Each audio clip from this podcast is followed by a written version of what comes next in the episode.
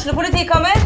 Ine Jansen er purk. Er du purk? The motherfucking bitch. Alt jeg vil, er å finne ut hva som skjedde med mannen min. Jon Carew. Er jeg sikta for noe? Iben Akeli. Det er du. Ole So, Lars Berrum og Big Daddy Karsten. Hvem sin side er du på, egentlig? Anette Hoff, Tone Danielsen, Kommer du fra Afrika?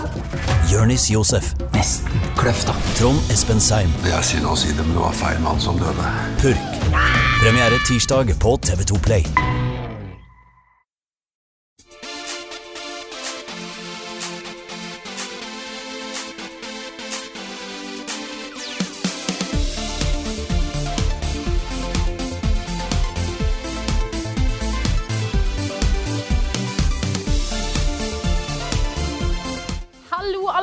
Velkommen til en live-innspilt podkast her. Dette er Level Backup med meg, Frida Danmo, og med meg har jeg selvfølgelig Karl Martin Hogsnes og Rune Fjell Olsen. Hallo, folkens. Hello. Hei, Frida. Hvordan har vi det i dag? Nei, vi har akkurat kommet oss fra det store sjokket, fordi du er jo fra Tønsberg, Karl. Jeg er fra Tønsberg. Og vi kom hit, og jeg begynte å snakke om at vi skulle til Tønsberg og Færder bibliotek. Og du bare What? What? Færder? Hva? Ja. Nei, nei. Ja, fordi jeg er fra Tønsberg, men jeg er ikke veldig oppdatert på Tønsberg. nei, ikke sant? Så det er helt, helt nytt for meg at dette her ikke er Nøtterøy bibliotek lenger. Ja, Det var jo Tønsberg og Nøtterøy bibliotek. nettopp. Her tror vi det har vært eh, et eller annet sånn eh, Noen penger som har skifta hender, eller et eller annet. Det har vært krig. Krig, kanskje. Ja, Det har vært en sesong av Game of Thrones. Mm, Ja. Så jeg tror liksom alle på Nøtterøy nå ligger og gråter fordi de ikke har navnet sitt på biblioteket. Altså, du hører jo på navnet Færder at det kommer Færderbøllene og bare kaster dem ut av biblioteket. Nå er det vårt. Ja, var det litt sånn? Folk fra Færder, er de litt bøllete? Vet du hva, Jeg aner ikke. Jeg vet faktisk ikke hvor folk var fra på skolen min engang. Nei, Det var, det var nok litt forskjellig. Men Vi hadde jo faktisk problemer med å finne fram da, siden eh, biblioteket hadde skifta navn. For det Ja, var helt, faktisk helt håpløst. Nei, vi sto utenfor her bare sånn Tønsberg og Færder, hva er det, liksom? Ja. Ja, det, Ja, nå må vi være på feil plass. det ligner jo veldig på det gamle biblioteket. Men er det det? ja, er det det? Det er høy kvalitet på sånn der Færder-Nøtterøy-humor, altså. ja. hvordan, er, hvordan er det å være tilbake i Tønsberg? For har vært der. Dette er jo andre gang vi er her for å holde greier. Ja, jeg er jo ganske, ikke ofte, men ganske mange ganger i året i Tønsberg. Um, men det har blitt litt rart nå, fordi mamma og pappa har flytta ut av barndomshjemmet. Så nå har jeg liksom ikke det huset i Tønsberg lenger. Nei. Nå er huset til mormor og bestefar, der har mamma og pappa flytta inn. Så nå er det liksom huset til mormor. Det er på en måte hjemme i Tønsberg nå. Nettopp. Men det er ikke helt det samme. Så, så det er litt rart. Jeg har liksom mista hjemmet i Tønsberg. Så nå føles Tønsberg litt mindre som min by. Om uh, bare, bare gi Buffkitten AS og Level Up Norge liksom fem, seks, ti år til, så Ja. får du din egen fløy vet du, på biblioteket. Ja, det er fint. Det er fint. Ikke sant? Da kan jeg, jeg kan kjøpe tilbake barndomshjemmet mitt. Ja, det kan du også gjøre. Det kan jeg gjøre. Sparka ut de som bor der nå bare si Ja. nei, sorry. Jeg kan bare si, vet du hva, Dette er helt uakseptabelt. Dette er mitt hus. Selv om dere har kjøpt det. Høres bra ut. Vi har også publikum i salen. Eh, takk til alle som har tatt eh, turen hit. Det er alltid gøy å spille inn ting og gjøre ting live foran eh, publikum. Eh, vi føler oss jo veldig nærme de som ser på tingene våre og hører på podkasten vår. og sånne ting. Eh, veldig hyggelig å møte folk. Så takk til alle dere som er her. Eh, det kommer til å bli muligheten til å stille oss spørsmål etter hvert også, som vanlig. Denne gangen en miks av innsendte spørsmål på forhånd og spørsmål fra salen. Så det kommer da seinere i podkasten. Ja. Vi kan ta en rolig overgang til hva vi har spilt i det siste. Og som vanlig skal du få lov til å begynne, Rune. Ja, det har blitt sånn.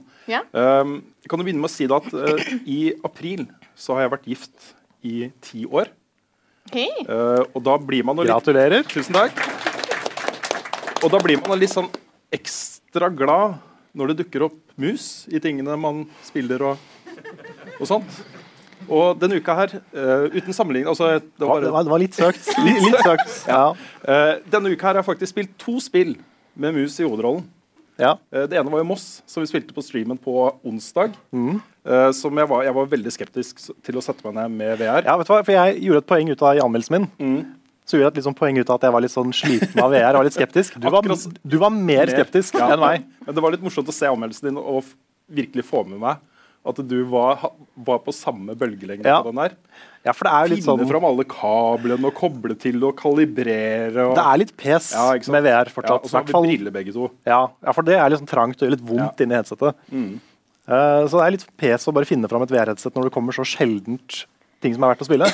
Hvis ikke man graver veldig på PC, liksom, så, er det, så er det ikke så mange VR-spill som er verdt å kjøpe og spille Nei, det er sant. ennå. Men eh, Moss var jo, og jeg er jo fra Moss til og med, eh, det var jo kjempebra. Det var et veldig eh, og så for, Jeg vil fortsatt kalle det en tech-demo. Jeg, jeg mener du huske På streamen så sa jeg at dette er ikke en tech-demo, det er et fullt spill. Men det er et ganske kort spill, og det kunne jo vært lengre og det kunne vært mer avansert. og disse tingene her. Jeg forventer meg å se spill i samme gate bli bedre i årene som kommer. Men det var overraskende gøy å spille, og det funka overraskende greit. Og grunnen til det var jo at du, du var jo på en måte ikke i øynene til denne musa. Du ser jo inn på et tablå, et bilde eh, fra denne verden. Hvor du, når du ser deg rundt, så ser du bare rundt på bildet. Mens musa er jo bare der den er. Og så Ja. styrer du den med spaken. Ja, for dine øyne, altså Du kunne like gjerne liksom sitte i en terrassestol og sett ned, og der er det en mus. Det er, det er det som er ditt perspektiv. Ikke sant? Og det var kjempekoselig. Kjempekoselig og vellaga.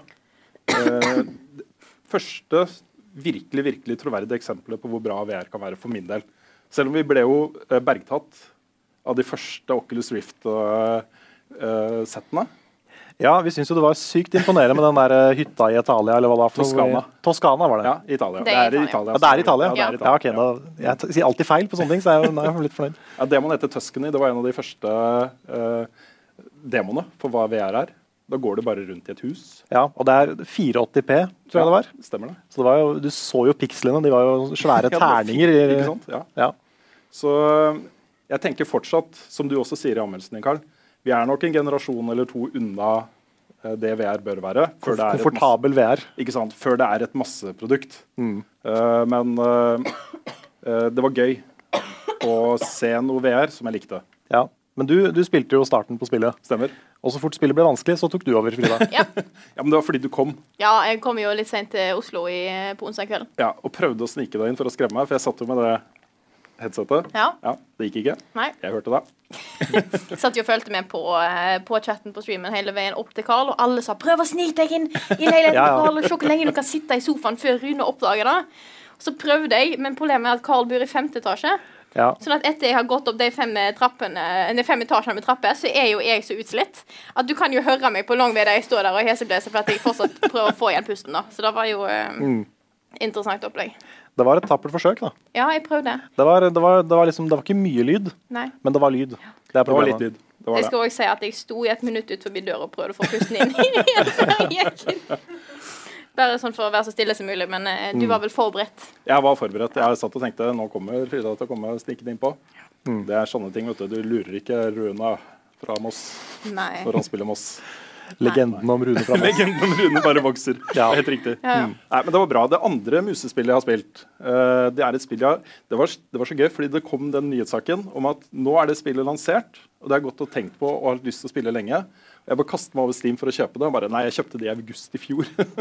så Ja. det var allerede kjøpt. Jeg kunne bare installere det. Eh, det heter Ghost of a Tale. Eh, veldig, veldig, veldig lovende, og også veldig bra. Er det tale som i tale, eller tale som i hale? Det er skrevet tale, men det er jo et, eh, et ordspill. Okay, og ja, du for- styrer en mus. Ja, fordi de fleste spill som heter et eller annet med tale, som har et dyr i hovedrollen, Ja. det er alltid tale med IL. Ja, nettopp. Men det har ikke det spillet her. Nei da, det er eh, Ghost of a Tale. Okay. Som i, ja. Eh, dette er jo et stealth-spill eh, hvor eh, du kan slåss og kaste ting på disse rottene og sånne ting, men du skal snike deg rundt. Uh, og finne nøkler for å komme deg videre gjennom låste dører. Uh, distrahere vakter, gjemme deg i kister. Alle disse tingene. Uh, du kan sprinte hvis du blir oppdaga, og gjemme deg da i en kiste eller en tønne eller et eller annet. Og masse mini-puzzles, sånne eh, environment puzzles, for, eh, for å finne items og sånne ting. Eh, veldig bra, altså. Det er et spill jeg regner med det blir en anmeldelse av også. For det har jeg bare lyst til å dra hjem og spille mer av. Kult. Mm. Det siste jeg har spilt, er et uh, spill som også kom samtidig med Ghost of a Tale nå denne uka. her. Uh, det heter The Council, og det foregår i, uh, på 1790-tallet. eh, og er et sånt semi-overnaturlig thriller-krimdrama hvor dialog er det sentrale. Uh, her uh, spiller du så Hovedpersonen er en del av et secret society. Eh, og handlinga foregår på en øy hvor det bor en eksentrisk riking som har invitert masse folk. og Det er duchesses og prester og alt mulig rart som kommer dit. Eh, og moren hans er forsvunnet på den øya. Det er ting som tyder på at hun har forsvunnet med vilje. At hun gjemmer seg. Hun har ikke, hun har ikke blitt tatt av dage, eller noen sånne ting, men hun gjemmer seg på den øya. Eh, og jobben din blir da å finne ut hva som har skjedd med henne. Og så er det også en sånn mystisk item som ikke er helt avslørt hva er henne, som er skjult et sted på denne øya. Og dette her foregår ved at du kan velge mellom tre forskjellige klasser. Uh, du kan enten være detektiv, uh, du kan være okkultist, eller du kan være det siste, hva, Husker du hva det siste var? Nei. viste deg i stad. Jeg skal få det opp. Um, og innenfor alle disse tre klassene eh, Diplomat var den siste. Innenfor alle disse tre klassene så er det et, eh, et ferdighetstre hvor du kan da velge hvilken egenskaper du har lyst til å utvikle videre. Eh, F.eks. overtalelsesevne, eh, sjarm, eh, akrobatikk. Og okkultisten har litt sånne spells og sånne ting man kan gjøre for å lure folk til å si det du vil de skal si. Og Du får hele tiden masse valg, da. Eh, og de valgene du kan ta i dialogen, er basert på hva du har låst opp i det treet. Så hvis du har vært, lagt mye ressurser inn i én ting, så kan du plutselig låse opp ganske avanserte muligheter til å få informasjon, informasjon da, ut av de du snakker med. Også et veldig spennende spill. Det jeg vil si er at Hvis det spillet hadde vært et litt større prosjekt, med litt mer budsjett og litt bedre skuespillere og kanskje et litt bedre manus, så hadde det vært enda bedre. Men det er masse her som er interessant, og jeg tror det kommer til å bli innmari spennende sånn gjennom eh, når man avdekker mysteriet. Ja, jeg har lest litt om det. Mm. Jeg fikk litt sånn der, Er det riktig at det har litt L.A. Noir-vibes, eller er det noe helt absolutt, annet? absolutt. Du må i disse samtalene finne på en måte en path da, gjennom dialogen for å få den informasjonen du er på jakt etter, ut av personene. Ja. ja, fordi vi fikk jo et spill, jeg tror det var i fjor, bare sånn plutselig i fanget, et sånt eh, Sherlock Holmes-spill. The Devil's Daughter. som, eh, som jeg ikke hadde noen forventninger til. Jeg hadde ikke spilt noe Sherlock Holmes-spill før. Men det var jo veldig kult. Som også, det var også veldig sånn lavbudsjettspill, egentlig. Det hadde ikke den polishen som andre sånne store spill i den sjangeren har. Men det, det var mye kult der. altså. Jeg tror jeg liker litt sånn detektivspill. Ja, jeg tror du kommer til å like dette her, Karl. Jeg må sjekke ut det. Mm. Ja, skal jeg, um, Yes. jeg tar over? Ja. Det er, litt sånn, det er litt vanskelig, fordi jeg har først og fremst spilt et spill. øh, og jeg er ikke helt sikker på hvor mye jeg egentlig kan prate om det. Det er et sånt spill som jeg har fått litt tidlig. Ja, vi satt på bakrommet i stad og fant ut hvor mye kan Carl si om dette spillet. Ja, Vi kommer frem til at du kan si at du spiller det. jeg kan si at jeg spiller det. Ja. Så jeg, jeg driver og spiller Nino Kuni 2. Den kan du Nei, nei da. Eh, jeg, kan si, jeg kan si litt. Eh, det er jo eh, det er en oppfølger teknisk sett. Det er derfor det heter Nino Kuni 2.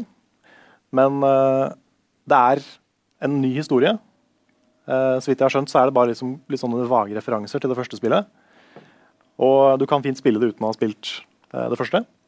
Originalen kom på PS3, eh, og dette her kommer da på PS4 og PC, mener jeg. husker jeg. Og eh, ja, har litt sånn der, jeg får, begge, begge de to spillene gir meg litt sånn Astrid Lindgren-vibes.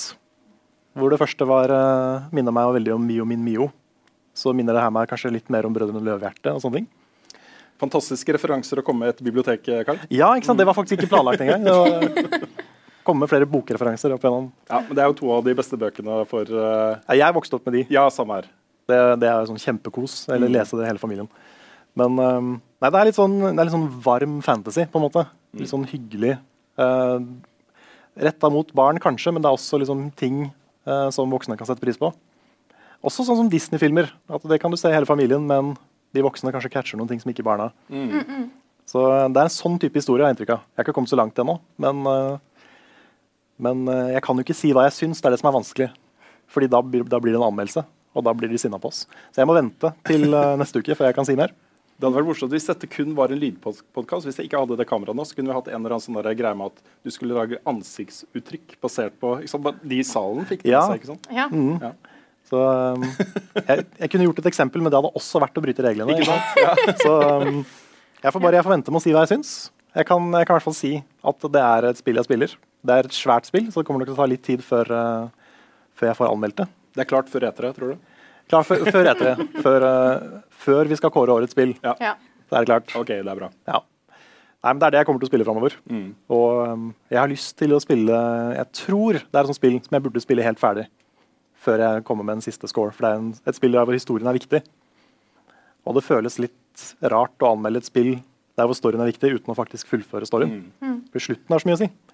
Så um, Det er en sånn ting som har fulgt oss hele tiden, og meg også, før level up. Mm. Den der behovet for å se hvordan det slutter. For det er faktisk ganske ofte at et spill endrer uh, hva skal man si, karakter. Nå mener jeg det i overført betydning, ikke terningkast eller ni av ti eller syv av ti. Liksom. Uh, men det endrer litt karakter. Uh, ettermælet blir basert på hvordan slutten er. på en måte. Mm. Og da er det litt viktig å få den med seg. også. Det er det. Selv om man spiller da Persona 5 og er liksom på 140 timer. Ja, ja, fordi Persona 5 er jo liksom eksempler på hvor langt vi kanskje har gått for å få med oss slutten Ja. på et sånt spill. Jeg anmeldte jo ikke det før jeg var ferdig, og det var 125 timer langt. Så da spilte jeg jo 125 timer før jeg ble ferdig med anmeldelsen. Mm. Så det det er vel ikke alltid de mest aktuelle i verden, men, eh, men vi prøver å være grundige. da. Blant annet den Sonic Forces-anmeldelsen tror jeg det er ingen, ingen anmeldere noen gang i hele verden som har vært så dypt inni som meg. Nei, vet du hva? Jeg er faktisk litt stolt over at vi var så i dybden på en Sonic-anmeldelse. Det er vel en av de lengste anmeldelsene vi har lagd Ja, på et en, drittspill. En av de lengste anmeldelsene på hele Level Up. eh, med to anmeldere, til og med. Det var et dårlig Sonic-spill. Ja. Så um, der, der, gjorde vi, der gjorde vi jobben vår. Ja, ass. Det jeg. Men da kan jeg ta og fortsette litt. eh, Det kan du. Jeg kan først snakke litt om hva jeg hadde tenkt å spille. Fordi at jeg har jo tatt eh, I går, eller i forgårs, for de som hører på podkasten, så tok jeg tog til Oslo. Jeg har sju timer med tog fra Trondheim. Og skulle spille Switch. Men jeg glemte Switchen. Noob. Og så er det bare sju timer. Altså, er det, ja, det er jo bare sju timer. Nei, så da var jo planen egentlig å spille litt Switch, men da gikk jo rett i dass. men det er jo på en måte òg litt greit. Eller ja, så ikke vet jeg, for jeg skal jo dra til Italia på lørdag. Eh, så da måtte jeg i så fall tatt med meg Switchen til Italia. Det er på en måte litt greit å slippe å drasse på den, da, men nå har jeg ingenting å gjøre på på flyplassen. Ja, men da jeg kan si at jeg har spilt Jeg har spilt en del City Skylines de siste to, eh, tre Ja, siste, i hvert fall den siste uka. Eh, og da er jo et spill som jeg på en måte går en del tilbake igjen til innimellom, som et litt sånn eh, tidsfordriv. Eh, men eh, denne gangen her så er det en grunn til det. Jeg har snakka om det før. Og det er da at Når kommer podkasten ut? I morgen, cirka? Den kommer nok eh, omtrent samtidig Ja. med oppstart. Ja, fordi at eh, fredag klokka 11 så går jeg live sammen med studenter fra NMBU, altså Universitetet i Ås, eh, som er utdannet innenfor eller utdanner seg innenfor by- og regionsplanlegging, eiendomsutvikling, landskapsarkitektur landskapsplanlegging, tror jeg. Jeg tror det, er det det heter. Eh, der vi skal se på en modell av Oslo, laga av en eh, kjent YouTuber som heter Silvarett. Eh, der vi skal se på problemstillinga i en bydelen i Oslo.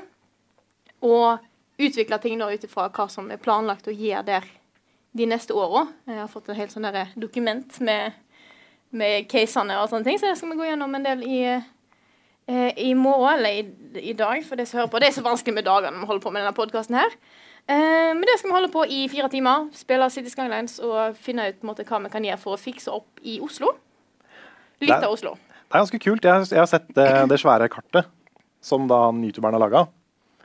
Og det er, det er kult å se liksom Dette er Oslo, men det er interaktivt, og du kan gå rundt og du ser Der brenner det.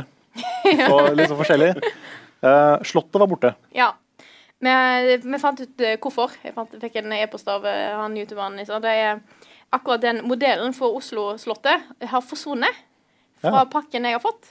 Ok. Eh, sånn er akkurat nå som mangler Oslo. Nei, Slottet i Oslo. Ja, hele Oslo mangler. Det blir kort stream i morgen. Det. Ja, vi skal bygge Oslo, nei. Mm. Eh, så Slottet mangler, men jeg har satt inn en sånn derre Jeg lurer først på om jeg skal bare sette inn et sånn random hus. Et bitte lite hus. sette Kasino. Sette opp et kasino her. Det hadde vært bra. En liten utedo. Høyblokke. Eller utedo, ja. Ja. Nei, men jeg, jeg fant noe som ligna på et slott. ja, det så jo ut som Slottet, til og med. Ja. Det var nesten Slottet. Ja. Det var sikkert en, Jeg tror det var en bygning fra Sverige. Ja, kan være? Jeg mener det sto et eller annet om Stockholm eller Ja, men den, den står i hvert fall nå der slottet skal være, da. Så Ja. får jeg se om jeg kan få fiksa den, det faktiske slottet til eh, streamen starter. Eh, men det er egentlig veldig kult. Med, jeg prøvde òg å finne ut har, Det er så mange mods i den greia her, for at han, som, han youtuberen har jo brukt en hel drøss med mods jeg har prøvd å sette meg inn i. da. Det er det hovedsakelig det jeg har gjort de siste dagene. Eh, og det er tydeligvis en mod som har skrudd av eh, disasters. Jeg har ikke helt funnet ut hva Modda er, for jeg har så lyst til å kunne sende en tornado gjennom hele Oslo. Det er på en måte mitt mål for i morgen. Men Jeg prøvde å gjøre det i dag, men eh, da kom ikke tornadoen. Nei, det er, Det var litt trist, egentlig. Jeg hadde sagt synd. at nå skal jeg sette en tornado rett gjennom hele eh, Karl Johan, og så bare dukker han ikke opp. Det er litt synd hvis det skjer live, da.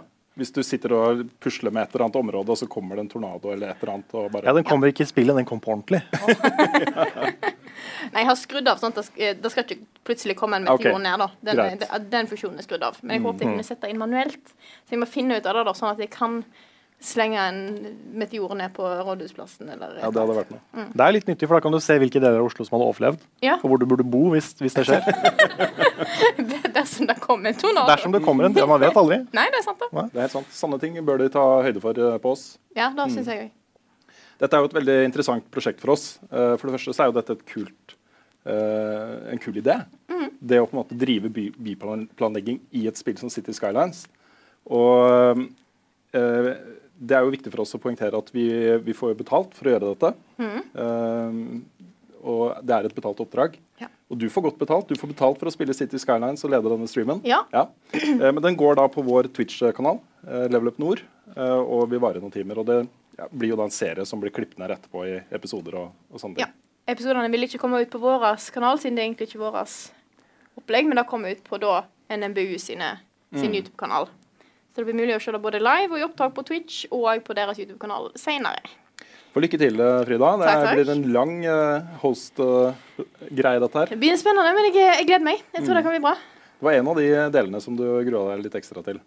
Ja, den ene delen jeg er litt usikker på hvordan vi skal gjøre. For Ja. det er veldig mange av disse tingene her som går på planlegging, eller på en måte eh, diskusjoner. Og så tenker jeg sånn Hva skal jeg gjøre? Skal jeg sitte der og liksom bare bygge en liten park mens jeg sitter og diskuterer? Ja, for dette er jo studenter som kan mye. Ja, det, ja, ja, det er masterstudenter, dette. Så det Mm. kan jo kjempemasse om sitt fagfelt. Mm. Så jeg må jo sitte der og eh, Jeg har fått en tittel i dette prosjektet, og jeg elsker den tittelen. Jeg har fått tittelen som 'Nyttig idiot'.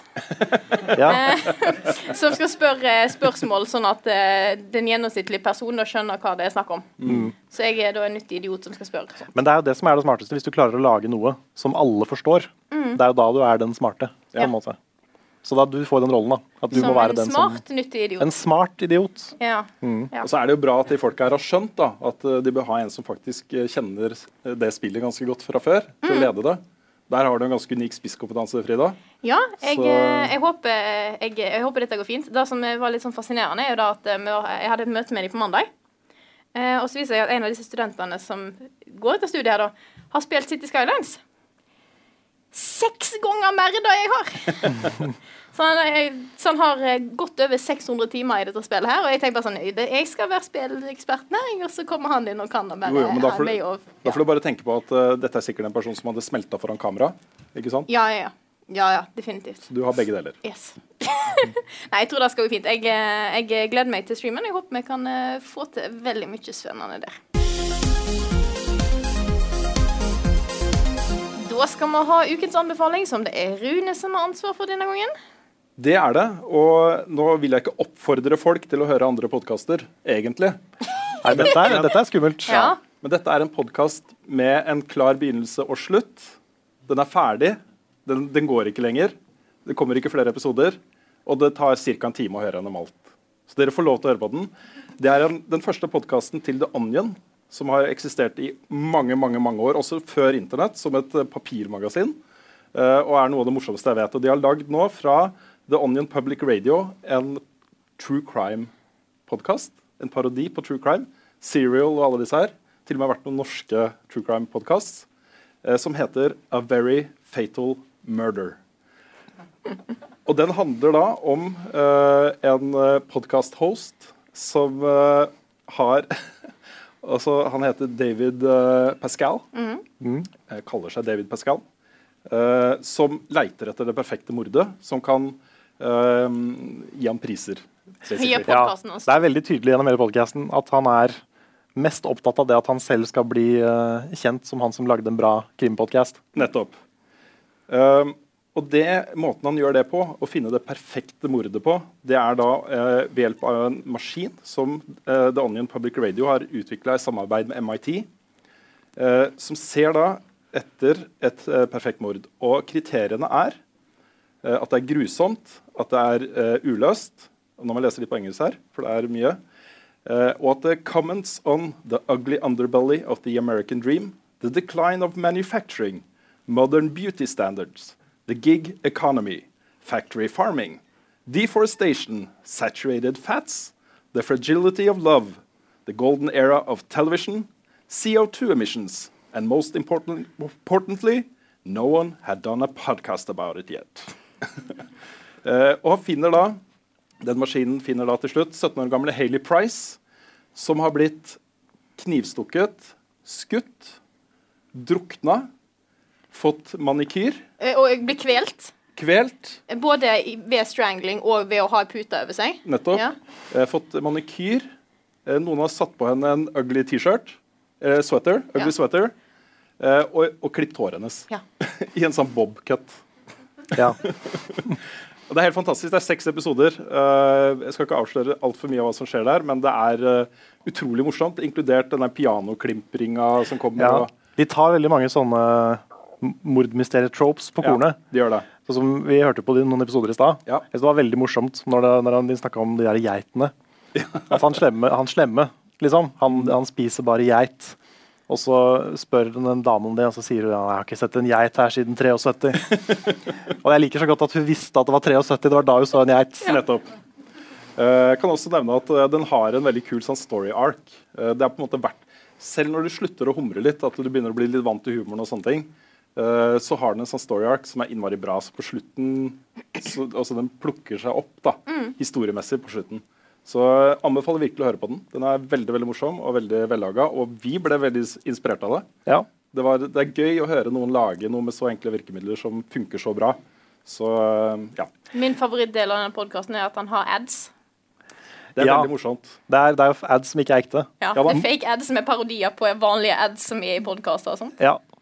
Inkludert av moren til Hailey Price. Hun eh, får da en papirlapp eh, som hun skal lese opp da eh, 'Message from our sponsors'. Hun sitter der og griner. Ja, griner og hikster og griser, og det er da Boxbox. Ja, The Box Box The Company. Box Box, ja. Så du slipper du å kjøre da hundrevis av miles for å kjøpe en boks. Du kan få den levert hjem til deg på døren. Og det er bare en boks. En Ja. papp pappeske, liksom. Ja. Hør på den, folkens. Det er jo da ikke et ekte mord. Det er viktig. ja, det er ikke et ekte mord. Det, er, det har ikke skjedd, Nei. så det er lov, det, man kan le av det. på en måte. Ja. Da er det lov. Ja. Og jeg sier sånn som jeg har sagt i en tidligere podkast, det er så greit når det er Rune som har ansvar for eh, anbefaling, for da kan jeg bare sende den videre til nyhet etterpå. Ja. Jeg kan bare begynne enkelt og greit og si smash. Smash. Smash. Smash. Ja. Det var kjempemorsomt. Vi spilte en podkast litt tidligere forrige uke fordi jeg skulle til København for å teste God of War. Ja, det var utrolig dårlig timing. kanskje. Dagen etter, er Flere av de nyhetene vi har med her, er jo fra det som skjedde liksom den dagen vi vanligvis spiller inn. Så hvis vi hadde spilt inn til vanlig tid, så hadde jo du hørt alt dette her forrige uke. Eh, men uh, Nintendo hadde jo en uh, direct pressekonferanse. Jeg jeg kaller det fortsatt pressekonferanse. Det er jo ikke det det er, egentlig. Nei, men det er jo samme funksjon. Samme funksjon. De sparer alle de største nyhetene sine til en egen sending, en video som de legger ut digitalt. Og Der kom det da fram at det kommer et nytt Smash. Og Nå vet vi jo ikke om det er en port ennå, eller om det er et Nei, nytt spill. Det aller meste tyder på at det er et nytt spill. Ja.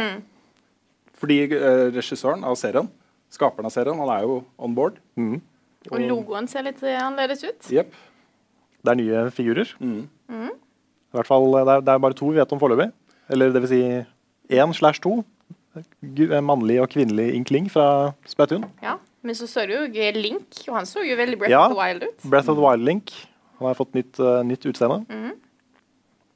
Vet ikke om Mario har Cappy. Jeg så etter de øynene til Cappy, men jeg så det ikke. Nei. Så jeg tror det er vanlig Mario. Okay. Du snakka litt om at du har uh, lagd en liten liste. Ja, jeg var litt usikker på om vi skulle ta det nå, eller om vi skulle ta det i spørsmål og svar. Men jeg kan ta det nå. Vi har det på spørsmål og svar-delen òg, skjønner du. Ja, for Du kan jo finne ut hvem som har stilt det spørsmålet. Da kan jeg. så- Ja. Nå har jeg selvfølgelig kommet på at jeg la igjen telefonen min ute på sida.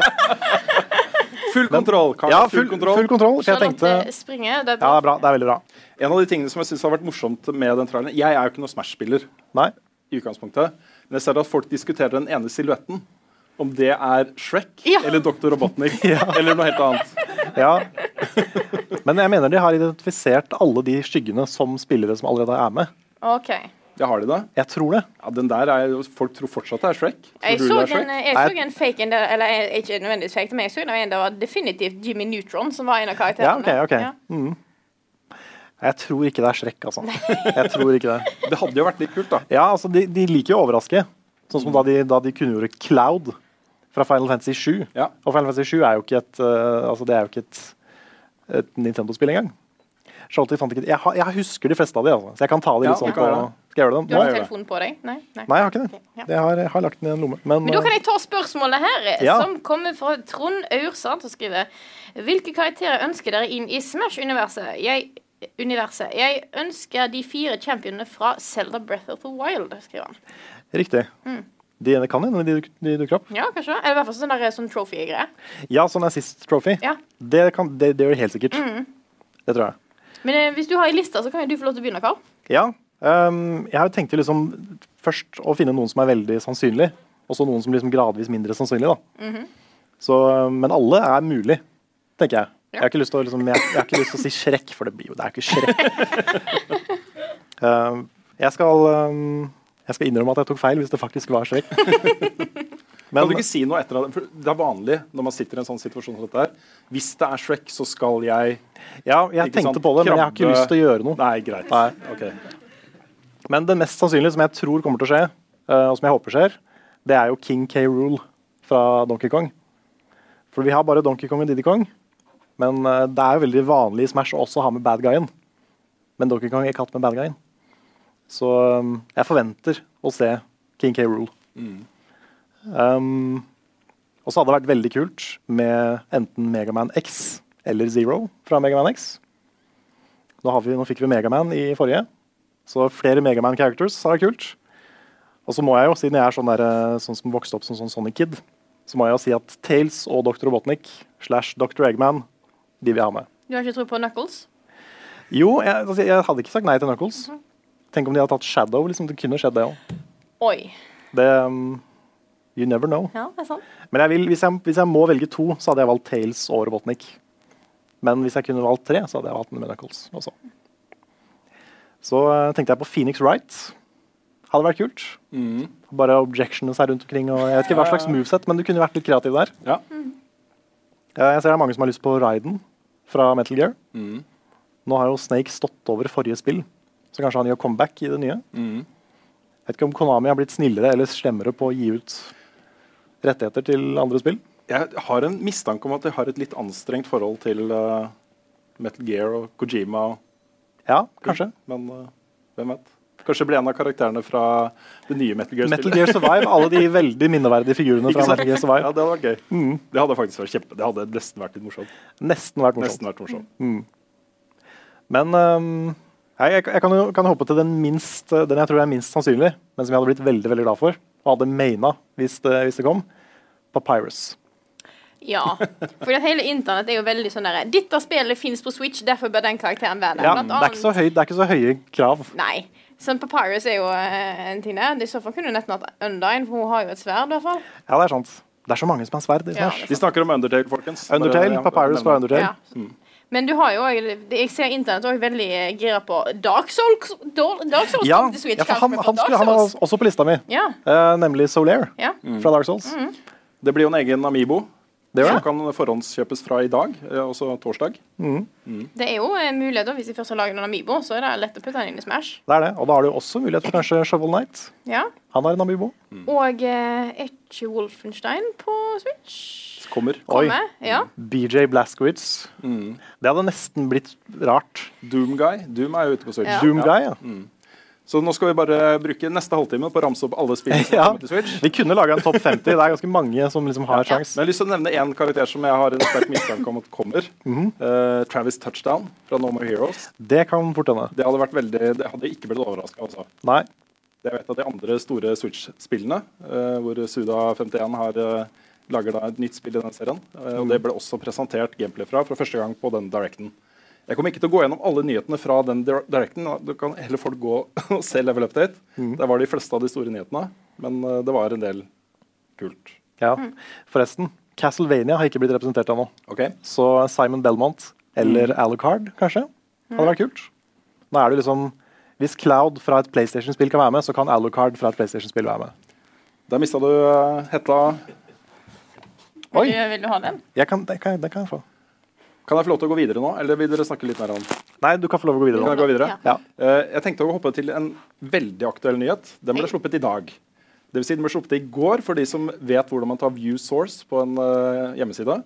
Uh, Shadow of the Tomb Raider, det siste kapitlet i på en måte skapelsesberetningen om Lara Croft, eh, kommer den 14.9. Og nå er det nok mange som blir glad. Det blir ikke tidseksklusivt på noen som helst plattformer. Det kommer samtidig på PlayStation 4, Xbox One og PC den 14.9. Um, og det er, uh, ja, det er en teaser-rute som så ut som jeg forventer at et Tomb Raider-spill skal se ut i dag. Ja, De to forrige har sett ganske like ut. Ja, da, det har det. Uh, jeg er jo litt spent på hvor de tar det. Fordi uh, um, de har jo liksom introdusert Dara Croft som en Hva skal man si? En litt mer sånn action- og blodtørstig helt enn en, uh, opphavet. Også starten på serien. Ja, jeg husker det var mye snakk om da den første reboot-spillet kom. Så uh, var det veldig sånn det øyeblikket hvor hun drepte det rådyret. Det var veldig stort. Fordi hun hadde jo ikke lyst til det. Hun var veldig sånn uskyldig og forsiktig Ja, fram til da. Ja. Og så plutselig så bare drepte hun 40 folk. ja. sånn med en gang. Ja, Det er jo spilleren som gjør det. Det som, det som er, um, for du kan jo velge ikke sant, å være litt mer forsiktig og stealthy og sånne ting. Men i oppfølgeren så kunne du ikke det. Da havna du inn i sånne trange korridorer hvor du blir omringa av massevis av soldater. Uh, og da er det ikke bare sånn 'Å nei, jeg må, jeg må drepe de', men bare 'Øy, hvis jeg kaster en granat på den veggen der og treffer Ikke sant? Så blir det veldig sånn, da. Og får ekstra ferdighetspoeng for det og sånne ting. Og da ble det sånn Ja, er det virkelig nødvendig? Jeg likte, jeg likte begge de to Tomb Raider-spillene, men uh, jeg håper på mer utforsking og litt sånn roligere. Men det er meg. Det er meg. Uh, vi får se. Uh, de to andre store nyhetene som kom uh, samtidig, samme dag som Directen, var jo at Ubisoft mer eller mindre med vilje uh, fortalte at de jobber med The Division 2. Mer enn det vet vi ikke. De sier at de fortsatt skal støtte utviklingen av Division 1, men at de også jobber med Division 2. Eh, og Det er litt samme argumentene som Bungie brukte da de begynte å snakke om Destiny 2. Det er det at Vi har så mange ideer som ikke lar seg gjøre i den engine som vi har nå, så vi må lage et nytt spill. Eh, Mens uh, slipsene i Ubisoft sitter og teller penger, tenker jeg. Ja. Det er litt rart med Ubisoft, fordi uansett om det første spillet var en skikkelig suksess eller ikke, Ja. så lager de alltid en toer. Ja, det gjør det. det, gjør Sånn, det. også på de som har faila litt, sånn første Watchdogs. Det, var, det var noen som digga det, men det var mange som ikke likte det. Ja, Men det lager de en god oppfølger, da. Ja, de gjorde det. De klarte å redde Watchdogs. Så kan hende de klarer å Nå har de jo fiksa allerede det første Division ganske bra, har jeg skjønt. Ja da, det skal være kjempebra nå. kom en uh, oppdatering 1.8 for litt siden som, uh, som mange var veldig glad i. Eh, samme dag ble også sluppet det, nyheten om hva det neste Call of Duty-spillet er. Det er da Call of Duty Black Ops III. Ja, det var, det var en i for mye. Nei, men det er, det er sånn de har logoen. Nei, men du, er- du sa fem. Sa jeg fem? Du sa fe- du sa fem i, i-er. i, i, i. Ja, OK. Beklager. Ja. Sitter og teller, liksom? Ja. Ja. Ja. Nei, det er Black Ops 4 uh, med fire streker. ja, for det har vært mye debatt Ja. om den logoen. Fordi fire, det er jo egentlig sånn IV ofte. Ja da. ja. Men uh, ifølge noen sånn museum Jeg, jeg leste om dette her på Eurogamer. Mm. At ifølge noen sånne folk på noe museum Jeg skulle burde sjekka hvilket folk på hvilket museum. Mm. Det har jeg ikke sjekka. Men du kan også skrive fire sånn. At det er faktisk innafor. Ikke med romertall, vel, men kanskje på en annen måte. Jeg tror det var også med romertall. Ja, ok, greit. At de faktisk bytta Jeg orker ikke å krangle om det, Karl, så det er greit. Ja. Min, min teori da, det er at de har allerede begynt å planlegge eh, Black Ops 5. Og da kan de bare stå en strek. ja, fordi ah, det hadde vært litt kult. Ja. Da hadde, da hadde jeg vært mer med på det. Ikke sant? Så, så jeg tror det er det som er grunnen. Det som er interessant her, er jo at Call of Duty har alltid vært et oktober-november-spill. Nå er det september. Og det er jo fordi det kommer et annet spill i oktober som nå alle er livredde for. Red Dead Redemption 2. Altså, jeg vet ikke om det er faktisk tilfellet, men det er sånn jeg tolker det. da. Eh, vi ser også at Days Gone har blitt flytta til 2019, et av høstens eh, store spill.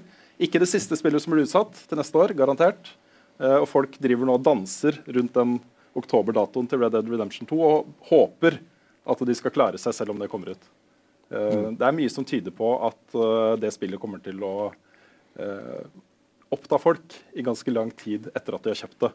Eh, det kommer til å ha et Battle Round-modus og masse greier. liksom, så Det er litt surt hvis det kommer ut, og så kommer det ingenting mer i 2018. Det er nesten, nesten på det nivået der. ja. Ja. Nintendo har en tendens til å lansere ting rett før. eh, Ja, rett De bryr seg ikke Nei, de gir faen. Nei. Nei, vi hadde jo, vi hadde jo et, en lanseringsdag i fjor hvor vi fikk Wolfenstein, Assassin's Creed og Super Mario Odyssey på samme dag. 27. oktober. 27. oktober. Den uh, legendariske datoen. Ja. Så det, ja, Nintendo driter i alle andre. De innser at de har den delen av markedet, markedet de trenger, og så bare kjører de på. Ja. Mm. Um, Det har også vært en del snakk om Blue Bluepoint uh, i uka som gikk. De lagde jo en helt fantastisk remake av Shadow of the Colossus. Uh, og de har nå gått ut og sagt at deres neste prosjekt også er en remake av et klassisk og høyt elska spill. Uh, og at det er et mye større prosjekt enn det Shadow of the Colossus var. Og Da begynner jo folk å spekulere. Har dere noen teorier om hvilke spill det kan vi snakke om?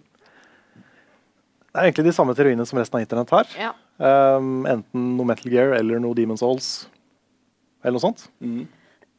Det er vel først og fremst det jeg tror. Det, må jo være, det er jo ofte noe Sony-eksklusivt, er det ikke det? Ofte det. Um, men det kan jo også være også, Det jeg setter penger på, det er eh, ikke et direkte uh, Sony-eksklusivt spill. Um, det vil si det er et eksklusivt spill, men ikke en serie. Mhm. Metal Gear Solid, Første Metal Gear Solid. Um, det har vært litt påfallende at ikke det har vært inkludert i uh, disse HD Collection-pakkene. Uh, og litt påfall, på, påfallende også at Konami ikke har snakka noe om det. Det, er et, altså det var jo et PlayStation-spill. Det definerte jo PlayStation 1, det spillet. Uh, sammen med en del andre spill, selvfølgelig. Men jeg har en mistanke om at det er det der. Men det kan også være type Fine Fantasy 9. Um, Ja, det tror jeg ikke. nei. Fordi eh, Square hadde jo, de begynte jo på en remake av Final Fantasy 7, som de outsourca først. Og så flytta de den inn. Mm. Så jeg tror ikke de tør å eh, truste noen andre enn seg sjøl Bluepoint har lagd en ganske god uh, søknad på å gjøre Ja, det, remakes det, det har de. Men Square Enix er sære, altså. Ja, det det Så jeg. tror, jeg tror ikke det er det. Nei. Det kunne jo vært liksom Spyro. Ja, eller Jack and Daxter. Ja. The Precursory Legacy. Men jeg tenker også kanskje Metal Gear Solid 4. Mm. Fordi det bare har blitt lansert på PS3. Ja. Jeg tror vi må lenger tilbake i tid også. Ja, kanskje. Jeg tror det. Men uh, Det hadde vært kulere hvis det var én. det hadde det, altså. Ja. Um, fortsetter til Xbox One. Um, disse nye Xbox-avatarene er nå ute. Hvis du er Xbox Insider Jeg har ikke helt fått med meg hva en Xbox Insider er. Og så du, må du melde deg inn i noe, eller Jeg tror det er sånn seremoni hvor Ja. du dukker, dukker under vann. noe sånt? Ja. Og så må du si navnene på alle. Nei, jeg vet ikke. Ja, et eller annet med Bill Gates involvert. Ja. Uh, det kommer da i april for alle som er på Xbox uh, Live, har en konto der. Og det som er spesielt med de avatarene, er jo at de ligner jo mye mer på avanserte spillfigurer, hvor du har veldig mange valg eh, for hva som skal representere deg online. Eh, og hvis du blander det da med Microsofts eh, kongstanke om at eh, alt du gjør på PC og Xbox skal være liksom det, det samme, så begynner det å bli ganske interessant. Dette er snakk om å bygge en avatar som representerer deg selv, og som faktisk kan representere den du er. Mange flere valgmuligheter. Du trenger ikke bare å være en liksom 30-something gruff uh, dude eller en uh, et eller annet. Nei, fordi de gamle avatarene skulle vel ikke være tjukk engang. Der var, det, der var du uansett ganske høy, og ganske slank. Ja. Og ja. Nå kommer det en film da, eh, ganske snart som handler om dette her, bl.a. Uh, Ready Play One, eh, basert på en bok som er fantastisk. Hvor du ser jo at disse eh, menneskene de velger avatarer som ikke ligner på seg selv i det hele tatt. Mange av de, da, de fleste av dem. Eh, men tanken om at eh, du skal kunne i hvert fall representere en versjon av deg selv som du føler er nærmere deg selv, syns jeg er veldig god. Eh, og det systemet ser kjempebra ut. Så får vi se da, hvor mye mikrotransaksjoner og ting og tang det blir rundt der. Det er det, da. Ikke, ikke godt å si. Um, jeg har en sak her. Jeg ser at du har med dattera di, Trond. Jeg vet ikke om hun uh, Jeg tar sjansen på at det går bra. og Ja, at ikke nå som du har nevnt det, så blir Ja, det du ta den. Uh, det kommer en uh, collectors edition av uh, spillet Inside, som er lagd i samarbeid med de som lager Real Doll. Jeg tror jeg dropper forklaringa av hva Real Doll er. Ja, sånn, folk kan heller bruke fantasien. Bruke fantasien. Ja. Det er mange som bruker fantasien med de dokkene også. Det er det også. Ja. Det er en fin måte å si det på. Fin måte å si det på. Eh, det som er litt interessant her, er at den koster jo uh, 350 dollar ca. Uh, bildet av den er en innpakka sånn, med sånn gift-wrap og sløyfe. Og det sier ingenting om hva som er inni boksen. Hvis du har spilt Inside gjennom, så kan man gjette hva som er inni den boksen. Ja. Men uh, Det er så ekkelt at det er de som lager den. mm, Det, det kommer jeg ikke helt over. Nei, det er litt spesielt, altså. Det er litt spesielt, det samme, hele det samarbeidet og alt er litt spesielt. Og det det er snakk om her, er at de har en, eh, en kjøpsperiode som går fram til juni, tror jeg. Etter det så vil det ikke være mulig å kjøpe dem noe sted, og så kommer den en gang i 2019. så ja. Ja. Jeg tror jeg har lyst til å starte noen sånn der kampanje for å, at folk skal så du kan få råd til å i hvert fall kjøpe én. En av de. Du skal ha hjemme? Ja, eller på kontoret vi får etter hvert. Ja, jo. I, ja. Det er, liksom, det er noen, det er noen sånne actionfigurer som jeg er mindre komfortabel med å ha stående enn andre. Den er kanskje på toppen da. det jeg er minst komfortabel med å ha stående. Jeg vet ikke hvordan jeg skal reagere til dette her. For jeg er sånn eh, halvveis eh, jeg, jeg, prøver, jeg tror jeg har en idé om hva dette her er for noe, men jeg er ikke helt sikker. Men eh, ja. Nei. Jeg kan si litt om Real uh, til. Ja. Litt rann, fordi uh, Mens jeg jobbet i VG, så uh, kom de inn som en, eh, en greie. En ganske stor greie. Howard Stern snakka om det, og det var, det var masse greier. og Jeg skulle lage en sak om det, så jeg gjorde litt research. Og det, det som er greia, er at de er jo life size. Og Ja. kommer i sånne kistelignende bokser levert hjem til deg på døra. Kistelignende. Ja, så De er jo life size, de boksene òg. Ja. De kan ikke være runde eller hjerteforma eller noe sånt. De Nei, nei. De må, ikke sant? Creepy, altså. Det er creepy. Ja. Det er en episode av Black Mirror. Det er faktisk det, altså. Ja. Som alt annet nytt som er litt ekkelt. ja. det er sånn, er, som alle sier. Sånn, Ja. det er, dette er Black Mirror. Men det er Black Mirror. Det er faktisk det. Eh, heia Danmark. Ja, ja. Danmark er alt greit. Men da kan vi ha sånn klein stillhet der jeg sier at det er ukens spørsmål, og så Kanskje Salen Ja. skal synge ukens uh, i Ja. flerstemt? Ukens, Ukens Hvor mange er det som kan ukens spørsmål-vignetten? Nei, ingen. Jeg alle det. Enten så Ja. kan ingen, eller så er det ingen som har lyst. Vi kan gjerne trestemt. Vi kan prøve oss. Skal Ja, prøve vi oss? kan prøve oss. Vi prøver oss. Men skal vi gjøre det på den dialekten også? Hei, er det dialekt. Det er ikke dialekt på den. Spørsmål Jo, jo. Er det det? Kanskje ikke det kan være jeg, altså, jeg, har- tingen er at jeg, har ikke, jeg hører jo ikke så mye på podkasten etter jeg har på en måte, for at jeg er jo med i den. Mm. Så jeg har liksom ikke hørt så mye på den vignetten din, sier jeg nå. Ja, men det er dialekt på den. Det er det, ja? Ja. Okay. Ok, men Da foreslår jeg at den som begynner med eh, ukens, ukens Ukens, ukens. Også si et spørsmål. OK. Ja, okay. ok.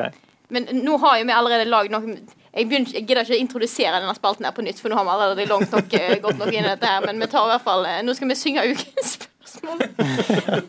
Har du lyst til å begynne, Rune? Eh, OK. Ja. Uke... Uken. Ukens Uke... Ukens Ukens Det er ikke, det er, ikke- er, vet det er ikke sånn det går. Det er små Spørsmål!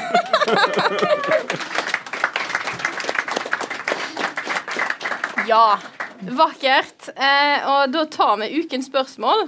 Eh, som i dag er sendt inn av en god kjenning av oss, Absolutt. og som sikkert en del har hørt om. Dette er fra vår eh, Han, han skriver her Ikke les hele den meldinga jeg før ikke det Nei, nei, nei. Men han skriver her det er fra vår store fan Hasse Hope. Yeah. Eh, han har jo vært med oss tidligere, bl.a. i eh, duellen som vi hadde på VG. Han skriver Hei, Norges beste spillpodkast. Jeg har lytta til hver eneste episode dere har laga, men ennå ikke turt å sende inn spørsmål. Det blir det en slutt på i dag. Jeg har nemlig omsider prøvd meg på Bloodborne. Og jeg får det bare ikke til. Jeg, klar, jeg er klar over at jeg banner i kirka nå, men jeg klarer ikke å bli eh, fenga. Jeg vet det skal være vanskelig, men jeg, men jeg bare får ingen endorfiner av å gjøre det spillet vil jeg skal gjøre. Hvor mange timer skal til, og mer generelt, hvor lang tid bør man gi et spill før man bare sier til seg sjøl at ditt, dette var et det, Ja, faen. Eh, dette var ikke noe for meg, gitt. Ja, det står itte, ja. Det står itte, skjønner du, Ja, og da plutselig innser jeg at jeg kan ikke dialekt. Men ja. Ja. Ok. Vanskelige spill. Når bør en innse at dette her er bare ikke noe for meg? Du ser veldig på meg. Skal Ja. jeg svare? Nei, jeg vet ikke. Altså, det er bare til å uh... Ja. det, er altså, Jeg må da. se på en av dere nå, var alltid deg. på en måte. Ja, Det- ok. ok. Um, altså når det kommer til Bloodborne, da, spesifikt, så, så kjenner jeg veldig mange som har prøvd og slitt og gitt opp og kommet tilbake til det, prøvd igjen, og så elska det. Uh, Lars er en av de. Han begynte på Bloodborne og hata det. Uh, fortsatte, og så plutselig så var han helt sånn der, han savna det han ikke spilte det. Eh, og det var litt sånn for meg òg, første gang jeg spilte et Souls-spill. Jeg likte ikke Bloodborne så godt, jeg. Nei, det Nei. var ikke så Nei, Det traff ikke meg. Nei, ikke helt tatt. Du spilte jo ikke det sånn. Nei, jeg spilte ikke det. Ja. Ikke sånn 80 timer. Du, hadde, du hadde ikke 100 timer etter en par uker. Nei da, jeg, Nei. Nei. Vi spilte ikke en hel, inn hele serien av Filmet ull på to uker, liksom. Vi gjorde ikke Nei. det. Nei. Det er faktisk noe av det sjukeste vi har gjort hittil. av sånne ting. Det, er, eh, det, det traff ganske Ja, det bra. traff veldig hardt. For de som ikke tok det, så var det selvfølgelig ironi. Eh, Ja. Men jeg kan huske at jeg syns fortsatt det er fantastisk eh, den eh, gangen jeg hadde, hadde snak, jeg hadde snakka med deg på stream, og du var veldig sånn der etter stream bare sånn 'Nå kan jeg spille mer Bloodborne, Carl. Kan jeg få lov til å fortsette?' Ja, ja. Og så så jeg Film et hull-episoden for den uka, og det var sånn der Vet hva, jeg vet ikke om jeg har tid til å spille så mye Bloodborne. Jeg har ikke liksom fanga meg helt. Nei, men det, det er jo på en måte vi, vi får jo litt kritikk da for at vi snakker så mye om Bloodborne og Dark Souls og sånne ting. Eh, men det er jo tusen takk Sony for at dere gjør det mulig å snakke litt om det igjen. Fordi det er jo nå månedens gratisspill på uh, PlayStation Plus. Ikke sant? Og da er det litt mer relevant Ja, igjen. li- vi, vi gjør vår plikt som spilljournalister Ja. og snakker litt mer og hjelper disse nye Bloodborne-spillerne inn i et av verdens beste spill. Men vi Ja. kan jo ta det litt mer generelt òg, da. Ja, jeg hadde bare lyst til å si at uh, akkurat når det kommer til Bloodborne, så ville jeg sagt um, Kjemp deg gjennom forbi Father Gascoigne. Akkurat det jeg skulle si. Ja, prøv, bare prøv. liksom Ikke gi opp før etter du har tatt Father Gascoigne. Hvis du da ikke føler noen ting, så er det nok ikke noe for deg. Nei, for Det er et vendepunkt på to måter. Den ene måten er at du endelig kommer deg ut av et område hvor du har blitt drept igjen og igjen og igjen og igjen av de samme fordømte folkene hele tiden. Ikke sant? Du, du er litt ferdig med det Jarnheim-stedet. Um, selv om du kommer tilbake dit, så er du liksom OK, hvor lenge skal jeg være her, liksom? Og så åpner det seg opp. Du har mange forskjellige veier å gå, og du vet at ok, herfra så er det så mange andre ting som skjer. da. Eh, så du, har- du har kommet til det punktet. Det andre er at du, for å ta Fader Gasco- Gascoigne, så må du ha fiksa kontrollsystemet og kampsystemet i det spillet. Og den mestringsfølelsen av å liksom OK, det faller litt på plass, dette fikser jeg, da klarer jeg sikkert resten av spillet.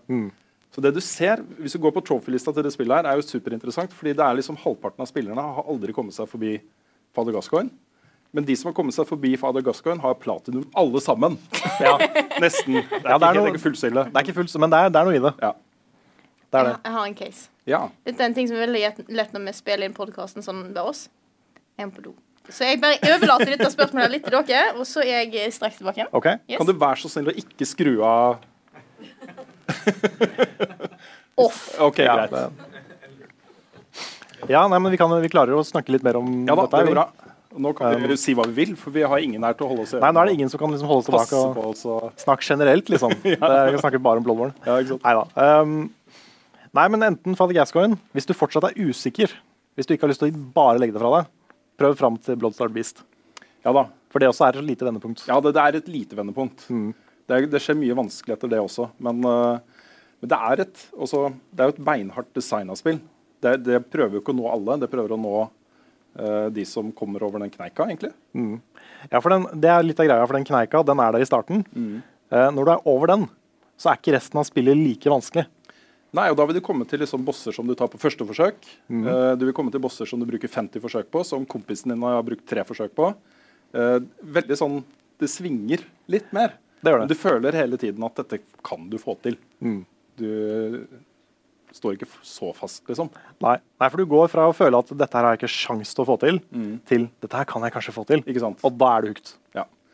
Og det som er litt interessant, er jo, er jo um, Jeg er jo ikke noen utprega sånn hard jeg, Det er ikke sånn at jeg bare elsker de spillene som, jeg, eh, som er supervanskelige, og som jeg står fast i, og som jeg må kjempe mot i ukevis for å takle, liksom. Eh, men Bloodborne ble et sånt spill for meg hvor jeg skjønte at, eh, at eh, det er mulig å lære seg reglene for dette spillet og få det til. Eh, og det som Resultatet av det var jo den mestringsfølelsen du får av det, er sterkere enn å ha funnet en vanskelig uh, måne i Super Mario Odyssey f.eks. Ja. Uh, den sitter mye sterkere i kroppen. Uh, og Det er også derfor jeg husker det spillet så godt. Derfor jeg er så glad i det. Det er derfor jeg regner det som et av de beste spillene jeg har spilt. Så, så det er liksom Hvor mye er du villig til å ofre, da? Fordi uh, det er nok i sånn ti-ish timer, tror jeg. Uh, litt avhengig av hvor lenge du står fast på Fadagaskoen og sånt. ja. Ja, kanskje ikke ti. Nei, Fem- ti, ti er nok fem, litt mye. Ja, jeg ville sagt eh, fire-fem. Ja, Det Før du i hvert fall veit mer om hva du nettopp. Rundt der. Uh, hvis du har spilt Bloodborne én gang, så tar det jo halvtime.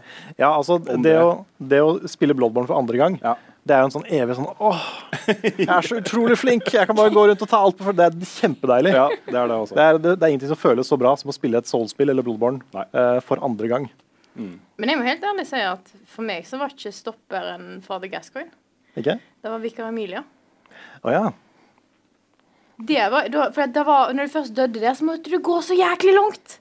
ja. Men da kan du sprinte. Ja, du kan jo da. Du kan jo da. Men når du har brukt opp alle blood vials, så du er nødt til å ta folk så du faktisk kan hente med blood Ja, vials. Da kan du gå tilbake til første område og ta noen. Ja, men du må jo fortsatt gjøre det hver eneste gang du dør på den bossen, som Ja, du gjør en god del ganger. Det må du. Ja. Og da var på en måte min stopper, da. Mm.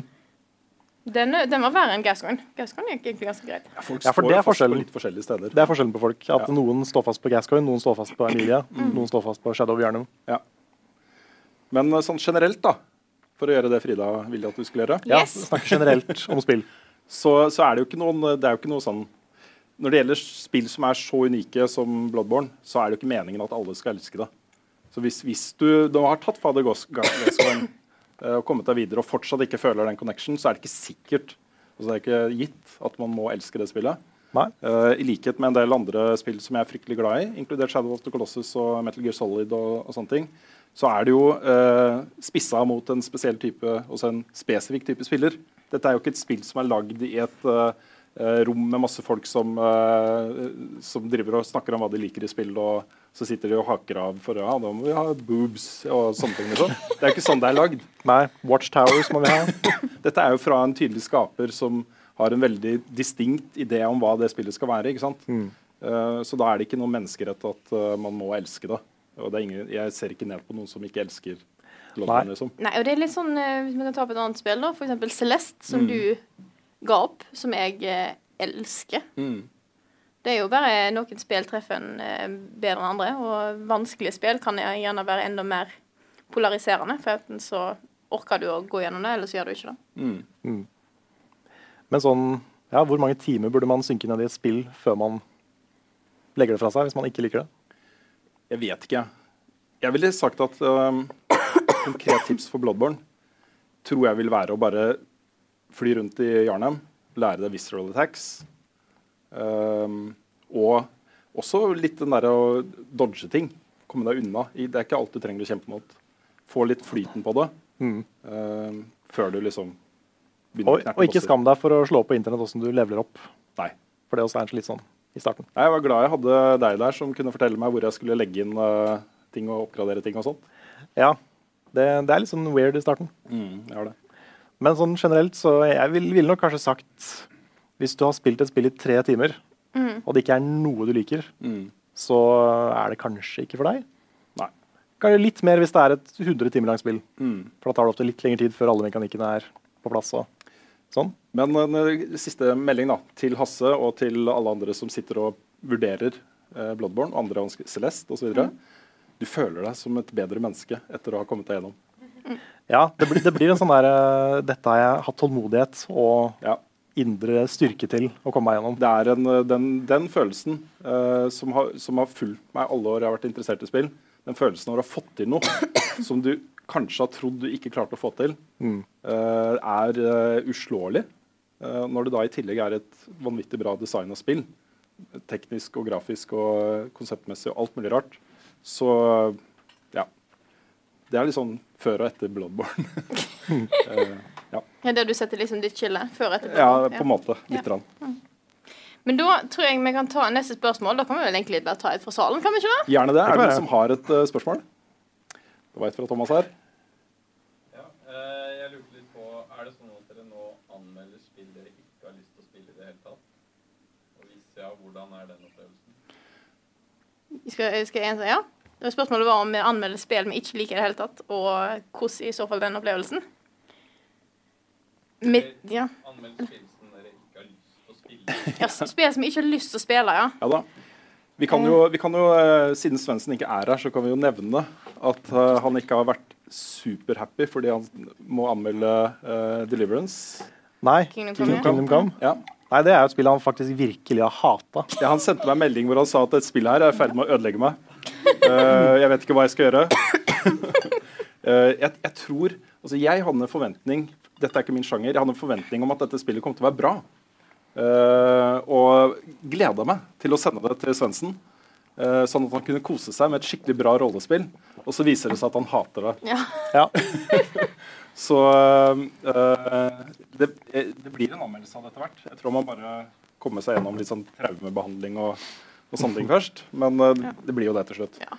Vi har jo en tendens til å velge spill vi har lyst til å spille når vi skal Ja. anmelde ting. Og det er også litt fordi eh, vi rekker jo uansett ikke å anmelde alt. Nei. Eh, så vi anmelder ofte det som vi tror kommer til å bli bra. Mm. vi liker å snakke og vi liker å trekke fram det som er bra. Ja. Når man må prioritere, så er det dumt å sitte og bruke all sin tid på ting som ikke er bra, som ikke vi kan anbefale. Som vi kan anbefale, anbefale folk å ikke skaffe seg, liksom. Det er sånn, ja.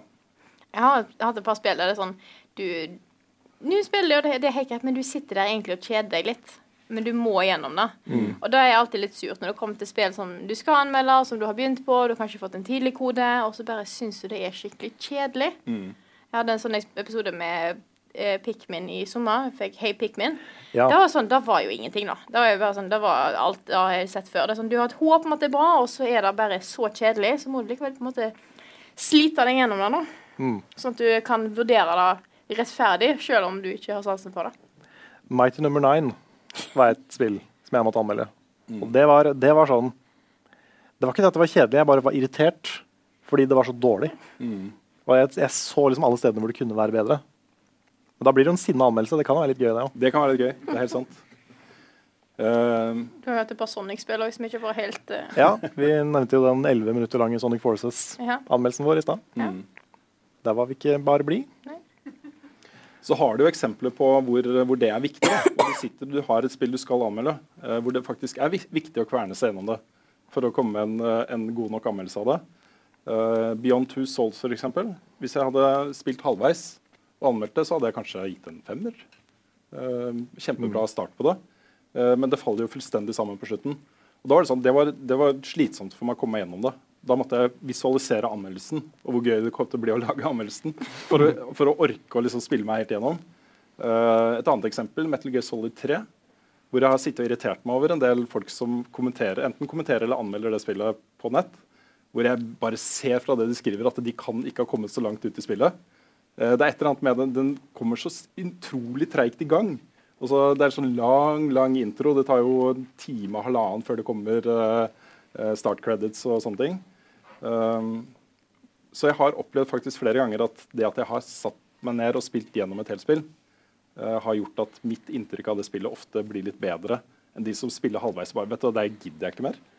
Og legger det fra seg. Mm. Monster Hunter var et sånt. Ja, Der måtte jeg sitte Jeg tror jeg satt i hvert fall 10-11 timer før jeg begynte å like det. ja, Men da digga jeg det etter det. Så det var sånn, det, gikk veldig, det, gikk, det begynte veldig langt nede, ja. og bare vokste sånn enormt etter hvert. Jeg sitter nå, og eh, det blir en anmeldelse av det eh, en eller annen gang. Av et eh, bilspill som heter Gravel. Som jeg så komme og var sånn Oi, et offroad racing-spill har jeg lyst til å spille nå. Det uh, syns jeg er gøy. Eh, og ba om å få review-kode. Det er sånn det skulle aldri gjort. Vet. Fordi hvis man ber om å få en review-kode, så går det et par uker, og så begynner disse mailene om hvor er, kan du sende meg link til anmeldelsen. Eh, så, så det hadde vært greit hvis det spillet kunne forbigå litt i stillhet. Det er ikke dårlig, men det er eh, heller ikke sånn veldig minneverdig. Så det er litt sånn helt greit. eh, men jeg må liksom gjennom campaign, og jeg må teste det online, og jeg må prøve ut alle de mulighetene som er der, for å kunne si noe eh, fornuftig om det. da. Eh, Noe som jeg kan stå inne for. Så ja. Men vi prøver jo da å velge de mest interessante spillene eller de beste spillene. eller Ja, det er jo, det er jo veldig mange på, som lager video om spill, som, fin, som fokuserer på å finne det negative. Som uh, gjerne liksom bygger en karriere på at de skal finne drittspill og snakke om de, og bli sinna på de. Ja. Så vi prøver å være en kanskje litt mer sånn positiv kraft sammenligna med det. Jeg må bare innrømme, jeg beklager hvis jeg støter noen nå, men hver gang noen uh, sender enten meg direkte eller oss en melding om at Angry Joe eller en eller annen var jeg helt uenig med dere, han mente noe helt annet, så blir jeg så irritert. jeg Ja. blir så irritert. Ikke fordi Angry Joe er uenig med oss. Nei. Nei. Nei, for det kan han gjerne være. Men Ja. han, er jo, han er jo bare sint, han. Og så, nå overdriver jeg. Ja, for- altså jeg, jeg har litt sansen for Angry Jo Joe da. noen ganger. Ja. Men, øh, men øh, andre ganger, f.eks., så anmelder han spill uten å ha spilt endgame-innhold. Bare sitter og er sint, liksom. Eh, og det er sånn Du må ikke være også, Gjøre det til din ting, syns jeg er litt sånn Ja, Hvis du er sint for å være sint. ja altså det, jeg er enig. Jeg syns ikke Angry Jordan er verste der. Nei, jeg- jeg synes han det- det- ofte har veldig, veldig, veldig fine anmeldelser. Ja. Um, det er mange spill han går ganske i dybden på. Ja. Men uh, det som irriterer meg med det, er det er ikke det at to anmeldere er uenige. Nei. Det er det at folk bruker det som en sånn der krangleting mot oss.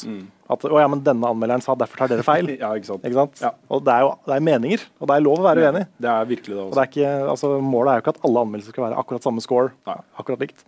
Jeg kom til å tenke på det dårligste spillet jeg har anmeldt, og det er Tomorrow Children. Så jeg husker det? Det er det skulle være noe sånn der eh, Hello Comrade, russ, kommunistisk, jobbe sammen, bygge bygreier. Så bare var det kjedeligste jeg var gjennom. Da var, der sleit jeg meg gjennom. Det tok flere dager der jeg måtte bare sette meg ned. Ok, nå må jeg Jeg må spille her en halvtime. Jeg bare sette meg ned, gir litt. Og det var, det var bare så, så kjedelig. Det var mange ting som måtte du stå og vente i to minutter for at det skulle komme en buss og plukke deg opp.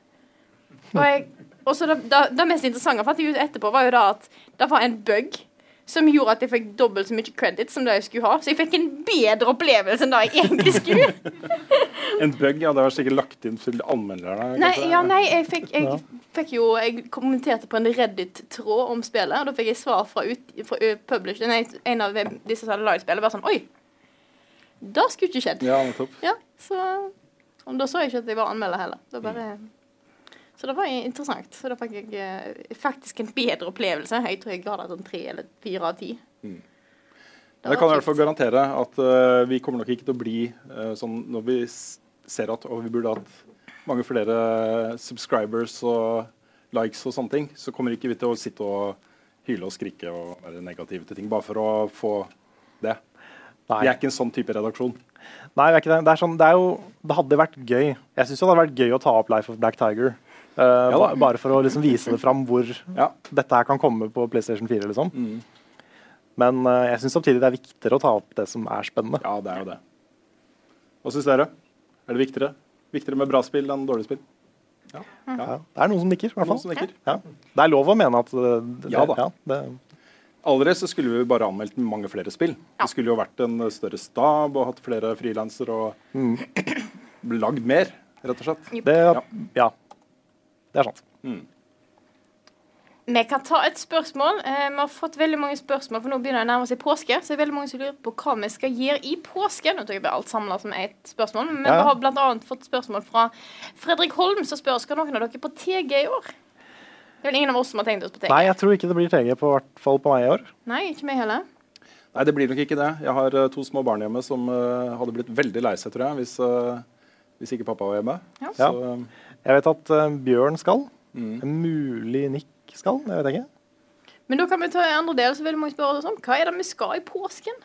ja, jeg kan jo legge til da, at jeg tror ikke det er så veldig mange år til, fordi de ungene mine kommer til å bli geeks. De er, du er eh, godt på vei. ja. De er godt på vei. Eh, og det er jo en sånn ting som man har lyst til å gjøre. Ta de med på TG. ikke sant? Og la mor få ligge hjemme i sofaen og slappe av i påsken. Det hadde jo vært en win-win-situasjon for alle. Så, så det er en sånn ting som jeg gleder meg til. da. Det å ta dem med på TG og la de få oppleve Man glemmer aldri sin første TG-opplevelse, eller sin andre eller tredje. Den fjerde, og femte, og sjette og tiende kan kanskje bli litt sånn, men de første gangene man er på TG, den følelsen av å være i en så stor sal med likesinnede, er liksom, den er så unik. Og eh, jeg håper å kunne gi det videre. Så, så det gleder jeg meg til. Ta dem med på Con også. Det også. For det, jeg har litt det, der, det forholdet mange har til TG, har jeg til liksom Desicon. Så ja. Ja. Men jeg tror ikke eh, vi kommer til å sove på betonggulvet. Det er jeg ferdig med. Eh, det blir nok eh, hotell eller Airbnb eller noe sånt, tenker jeg. ja. Men i år så skal jeg til søstera mi i Sverige. De har et torp ute i skauen der.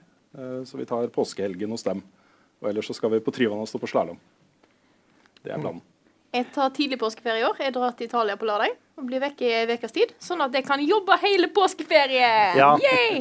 ja, fordi det er jo ikke så mange ganger vi tar ferie lenger. Nei. Det er liksom, vi, vi, tar, vi har en måned i uh, juli. En måned i juli. Altså i juli tar vi det litt rolig. Um, men ellers så jobber vi jo hele året. Ja da. Så påsken for meg tror jeg blir bare mer jobb. Mer av det samme. Men det er jo litt spesielt det, Jeg syns fortsatt det er litt spesielt med påsken i Norge. Det at hele Norge stenger fra eh, onsdag ettermiddag til tirsdag morgen. Så er Norge stengt. Og så er liksom butikkene åpne i en halvtime på lørdag, liksom. Men ellers så er alt stengt. og nåde deg hvis ikke du har rukket å kjøpe inn eh, øl eller et eller annet på onsdag, liksom. Da er, sorry, da er bare påsken over. Ja, Samfunnet fins ikke lenger. Nei, det er nesten sånn. Og sånn er det ikke så mange andre steder i verden. altså. Nei, men jeg var på cruise en gang. Ja. Um, til Danmark. Og da, da landa vi Landa vi, hva heter det? Gikk i havn. I, i ehm, Det spørs jo litt på hvor brå sjøen var. Og, Ja. ja det, var så, det var ikke så mange stup. der. Så vi, um, nei, vi, vi gikk i land i Fredrikshavn. Og da vi gikk av der eh, og skulle ha, vi- Det var sånn fem-seks timer vi fikk lov å være der før vi skulle tilbake med båten.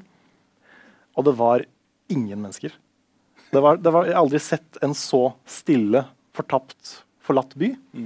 Det var tåkete. Så jeg venta bare at, liksom- på at det skulle komme sånne zombier opp fra rundt omkring. Og det var, det var skikkelig ekkelt. Det var liksom oss, en ung gjeng, da, det er mange år siden. For vi var, vi var sånn rundt 20, tror jeg. Og ingen andre mennesker. Og vi kunne høre nesten ekko når vi prata. Mm. Og jeg har aldri sett et så stort sted med så få mennesker. Så jeg, det er jeg, litt tror det er ganske Det var også i påsken. Det var derfor jeg Ja. kom på det. Hvis du ser sånne eh, store zombiefilmer, og sånne ting, så har det jo ofte, gjør det stort nummer ut av at de i to timer en eller annen dag, en søndag eller noe sånt, har stengt en viktig gate i New York for, eksempel, for å lage en film. ikke sant? Mm. Bare kom til Oslo eller en eller annen norsk, norsk by i påsken. Du har hele påsken for deg sjøl. Mm. Særlig sånn fram til klokka ti på formiddagen. Jeg har vært ute noen ganger, og et par av de gangene for å reise til TG. Og det å liksom dra gjennom byen uh, da, Det er så surrealistisk, altså. Det er, du går bare og venter på at sommeren skal komme. Ja. Men du kan jo også risikere at det er én gammel dame der som bråker masse. ja, det er sant. Mm. Det er sant. Yes. Flere spørsmål fra salen, kanskje? Ja. Ja, det er det er flere her. Min mic glipper litt. Ja, den, eh, den har flytta seg litt. Ja, din okay. Er min òg? Ja. Sånn. Yes.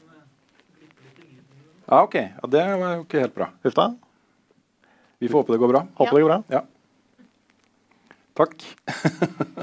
Det er bra. Gjerne si fra om det, for det, ellers ja. blir opptaket vårt kanskje dårlig. Se, vi har ei som har et spørsmål her. Spørsmålet er om hun skal få en vignett eh, før eh, spørsmålet sitt. Men eh, Silfor junior.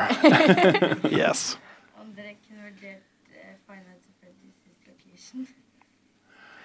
Er det noen som har spilt uh, Spørsmålet var om vi kunne delt uh, Var det siste location i Five Nights at Freddy's? Var det det Ja. spørsmålet? ehm, jeg har ikke spilt noen av de. Nei, ikke heller. Jeg tror Jeg husker ikke om det er Svendsen eller Bjørn som har spilt i.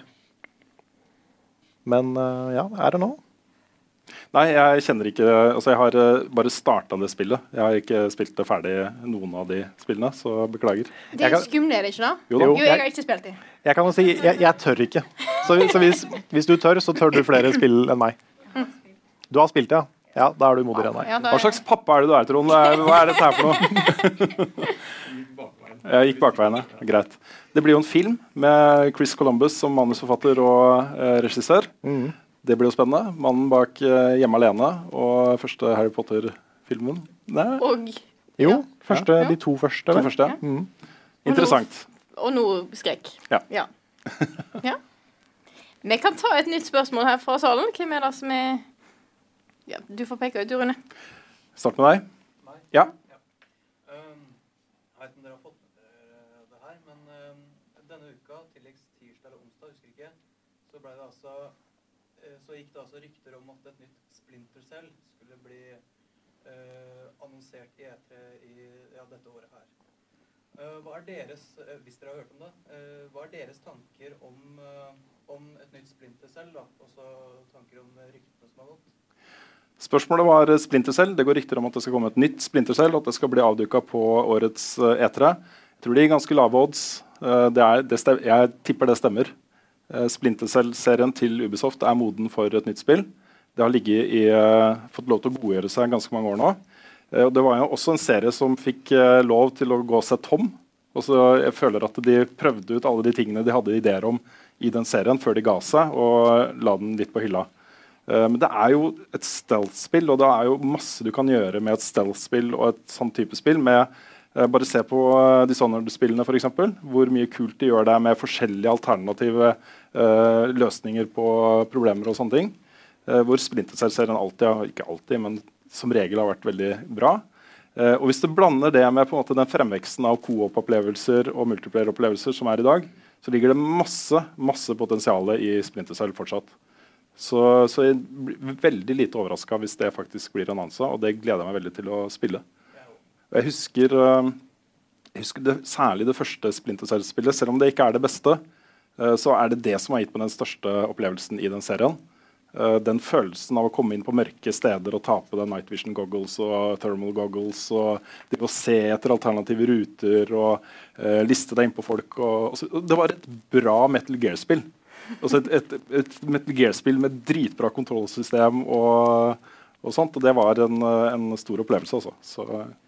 Jeg håper det stemmer.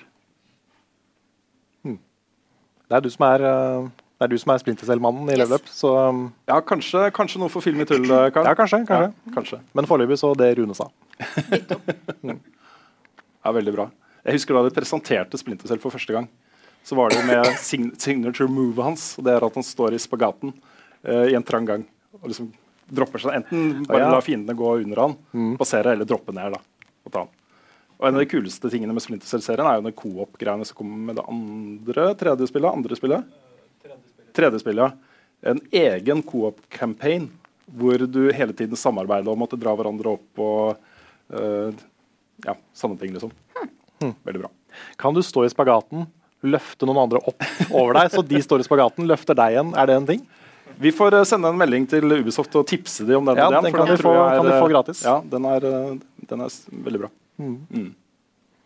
Skal vi ta enda et fra salen? Ja. Det kan vi gjøre. Når vi først er i, er i gang?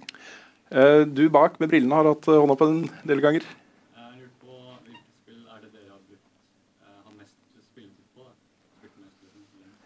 Spørsmålet var hvor, hvilket spill vi har uh, flest timer i. Uh, og da tenker jeg vi må opp i dager og uker og måneder. Jeg Ja. tror Jeg tenkte lenge at det var Sonic Adventure 2, for mm. da, da jeg spilt litt mye. Men så innså jeg plutselig at The Sims har jo jeg spilt en del. Ja. så jeg tror kanskje The Sims topper den lista ganske klart.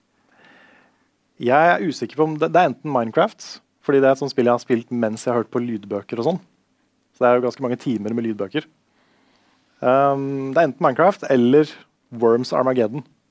For det er det ene spillet som jeg har spilt kompetitivt på internett da jeg var 14, Mm. og ganske lenge etterpå. Så jeg har sykt mange timer med Worms Armageddon. Så det er et av de to. Eh, kjennere av eh, Level Up går ut ifra at det må være Destiny. Men det er faktisk ikke det. Det jeg har brukt mest tid på, er Quake 3. Som eh, også Jeg var jo ikke pro, men vi lata som om vi var det. Og på den tida, og det fins jo fortsatt, da, men vi spilte jo da i ligaer og cuper med andre lag på vårt nivå. Eh, vi var veldig aktive på Clanbase, hvor de hadde eh, massevis av open cups og invitationals og serier og sånne ting. Og det holdt vi på med kjempelenge. Mange, mange år. Ja, mange, mange år, i hvert fall et par-tre år. da. Uh, hvor jeg spilte Quake 3 hver dag. Så det er jeg tror jeg, ingen spill noen gang. Jeg blir jo pensjonist én gang. Da tipper jeg at kanskje det er mulighetene for å kunne spille et spill mye er uh, ganske gode. Eh, men jeg tror ikke det er noen spill før det i hvert fall som kommer til å gå forbi Quake 3. Men jeg frykter jo at det egentlig svaret er minesveiper. Oi. Jeg har jo, jeg, tenk deg hvis minesveiper hadde en sånn time played-funksjon. da. Ja, det, for, for min del så er ikke det så imponerende. Nei, der var jeg nede i eh, Jeg tror persen min er på 57 sekunder på expert. Oi. Oi. Så eh, det har jeg spilt en del. Så neste gang på Games Done Quick så får dere se Rune spille minesveiper på eksport. Det, det, det kan hende du hadde kommet inn med det. Tror du det? Kanskje? Ja, Det er jo mange år siden jeg har spilt det nå. Men uh, Ja. det var en periode hvor uh, før smarttelefoner, hvor det var liksom kobla hjernen-spillet mitt Ja. lenge. Det er fascinerende når du klarer å komme ned på de tidene på expert. Så er det, det er fortsatt Det føles godt, det, altså. Ja, altså jeg, jeg har spilt mye kabal i timen som mens jeg studerte spilledesign. Da var det mye kabal. Og Peggel. Nettopp. Har noen timer i Peggel Ja. Jeg husker da som var Det var en da jeg gikk første klasse videregående, så spilte alle sånn der eh, Pokémon Leaf Green og Fire Red eh, greier på PC-en, så alle spilte Pokémon.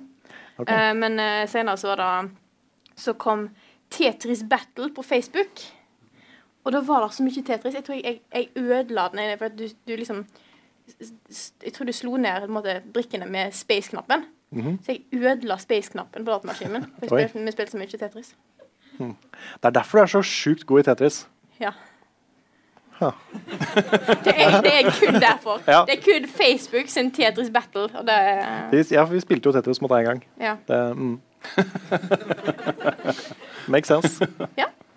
Mm. Skal vi ta et nytt spørsmål? Vi kan ta fra salen. Det er hyggelig når vi faktisk har folk her. Som Ja, jeg så du hadde en hånd oppe, Trond. Nytt Sinfor. Vent litt. OK. Og, Eh, jeg- har, du, har du den klar? Altså, eh, på en må altså, jeg hadde i hvert fall lista opp her i stad, eh, så hvis jeg bare finner den lista Og så bare drar vi ut tida litt her, og så må jeg bare bla gjennom hele den greia her. Fordi at, og nå vet du, nå nærmer vi oss. Oi. Dette oi, skal du gjøre i fire timer på fredag, Brida. Ja, ja, Ja. men dette Altså, nå, da slipper jeg vignetter. Og er det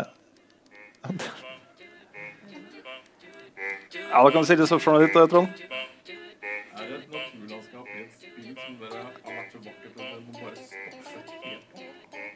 det? Spørsmålet var er det et eh, natur i, i spill som er så vakkert at vi må bare stoppe opp og stå og nyte, nyte det. Mm. Spørsmålet er fra eh, mangeårig spørsmålsstiller og den eneste personen som har fått sin egen vignett som spørsmålsstiller. Og det var jo fordi det begynte å, Hver uke så kom det spørsmål fra Trond. Eh, og det var ofte veldig gode spørsmål. Ja, det var, det var høyt nivå på Ikke sant? Mm. Så vi oppdaga at vi, vi tenkte ikke over det først. Nei. Bare sånn ja, Det her var et godt spørsmål fra en som heter Trond Borgersen. liksom. Og så etter hvert så skjønte vi jo begynte å bli- Møtte han og ble kjent med han. Og, Ja, jeg husker jeg møtte Sinfor på Retrospillmessa. Mhm. Intervjua. Ja.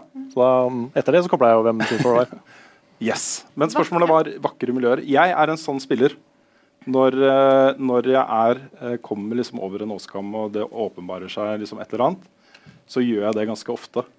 Um, Opptil flere ganger bare i eh, året som har gått. Horizon var et sånt spill. Der sto jeg. Jeg har brukt mye tid, altså. Ikke sånn timevis, men mye tid på å bare stå og kikke. Um, Shadow of the Colossus uh, også, som jo hadde en helt fantastisk uh, Som også Horizon hadde, fotomode, hvor du kan ta dine egne bilder. Mm. Da blir man stående ekstra lenge da, for å lage en ny, kul uh, bannertopp til Facebook-siden eller eller noe sånt. ikke sant? Um, Destiny 2 også, faktisk. Etter å ha vært inne i litt sånn trange miljøer og sånt, til å komme til et sted som bare var helt nytt. Ja. ja. Mye tid altså Det er en del spill sånn du finner én plass som var kul, og den plassen der var kul. Hele Xenoblade Chronicles X er fullt av sånn. Mm. Uansett hvor du går, så er det en ny gigantisk verden med noen svære fossefall eller noen kule trær eller berg eller ja. Så det, det brukte jeg mye tid på å bare se. Mm. Men det er jo fordi du bruker så sinnssykt lang tid på å bare springe rundt og bare se på alt hele tida. Så ja. Ja, så du kan på en måte nesten også Scenery forandrer seg ikke så mye, men du sprinter som bare det, liksom. Ja. Over lange Ja, strekninger. ja, ja, ja, ja. Mm. Ja, jeg tror jeg har tre eksempler. Det ene er uh, Colombia fra Bioshock Infinite. Når du kommer opp i skyene der. Det er noe av det kuleste. Er også den derre ja, når dørene åpner seg, og du kommer ikke sant? Ja. Um, også uh, menyene i Persona 5. er det er, altså, de, de er så fine. Og så glemte jeg en tredje. Jeg hadde en, jeg hadde en til. Jeg skal prøve å komme på det. Så kan jeg ta et annet spørsmål Mm. imens. Det første spillet som, uh, som ble sant for meg, var uh, Unreal 2. Og når man ser på liksom, hvordan Unreal 2 ser ut i dag ehm, ja, For så vidt Unreal 1 også, men det var særlig toeren. Så er det sånn det, det ser ikke så pent ut, men for meg så var det liksom en åpenbaring. Jeg kom på det siste. Ok. Hey. Irefill fra Dark Souls 3. Nettopp. Det er et uh, litt sånn vendepunkt i Mm. det spillet. Og det er så når du kommer ut dit Dere har ikke sett det ennå, jeg skal ikke si for mye hvis Nei. du skal spille, Rune. Men uh, ja. Det er, det er helt nydelig. Mm. Det interessante her er jo hva slags forhold vi har til virtuelle verdener. Altså hvor viktig det blir for oss, og hvor, eh, hvor gøy det er å oppholde seg i dem. Uh, og for meg personlig, det som er sterkest, er sci-fi-biten av det. Derfor jeg leser sci-fi-bøker og er glad i sci-fi-filmer også. Hvor man kan oppleve steder som er uh, umulig å oppleve noe annet sted enn der. ikke sant? Men jeg tror det sier litt om, om hvor mye tid vi kommer til å ha lyst til å tilbringe i den type verdener etter hvert som VR blir bedre og vi ligger der jacka inn. Så ja. Ja, Du er klar for å bli jacka inn? Ja da, jeg er det, altså. Jeg er det. Yes. Yes? Mm. Vi, kan ta et nytt spørsmål. Ja. Ja. Ja, du er bakerst som hadde hånda opp der, ja. Yes. Ja. Ja. Når Star Wars Battlefront 2 kom ut, så var det jo masse pepper fordi det var eh, mikrotransaksjoner og det helvete der. Eh, og EA måtte jo faen meg ta vekk mikro- mikrotransaksjonene. Så jeg lurer kom- eh, Kan det skje skje igjen at eh, det blir så gærent at man må ta ut m- mikrotransaksjoner av spill? De skal vel putte det inn igjen òg. Ja, spørsmålet var eh, mikrotransaksjonene i Star Wars Battlefront eh, 2, som eh, var så ille og fikk så mange reaksjoner at de valgte å ta det bort. Eh, og spørsmålet var om vi tror det kommer til å skje igjen. Lett. Ja, Ja, det det kommer nok til å skje igjen, men jeg tror det kommer til å ta litt tid. Hvis du ser nå eh, måten For det første, nå går alle utviklerne ut i god tid og sier det kommer til å være mikrotransaksjoner i spillet vårt, men det kommer bare til å være kosmetikk. Alle som en sier det nå. Det er liksom de som har valgt å ha mikrotransaksjoner i spillet sitt, det er det de sier. Mm. Og de varsler fansen og sp- eh, potensielle spillere i god tid i forveien, sånn at de får tid til å venne seg til den tanken om at det er mikrotransaksjoner i spillet. Uh, og så lover de at det bare skal være kosmetikk. Jeg, tror, jeg tror at både på kort og litt lengre sikt, ikke på evig sikt, men at kontroversene rundt Battlefront 2 har uh, snudd den trenden med at det ble verre og verre. Nå har det tatt noen skritt tilbake, eh, og jeg håper at det stabiliserer seg der. Fordi det de prøver på, er bare å få folk til å akseptere liksom, det verste. som de er villige til å akseptere, og så legger vi oss der. ikke sant? Jeg sitter og tenker litt på at eh, fordi at nå har, nå har liksom den krisen der skjedd. Så kommer det til å gå et par år, og så har folk glemt det, og så kommer de til å prøve seg på nytt Ja, igjen. Ja de, de kommer til å liksom la det legge seg litt. Mm. Så folk glemmer Battlefront 2, og så prøver de seg på nytt. Se hvor langt de kan tøye den da. ja, og da er det viktig at man sier fra igjen. Ja. Bare Mm. slå dem tilbake.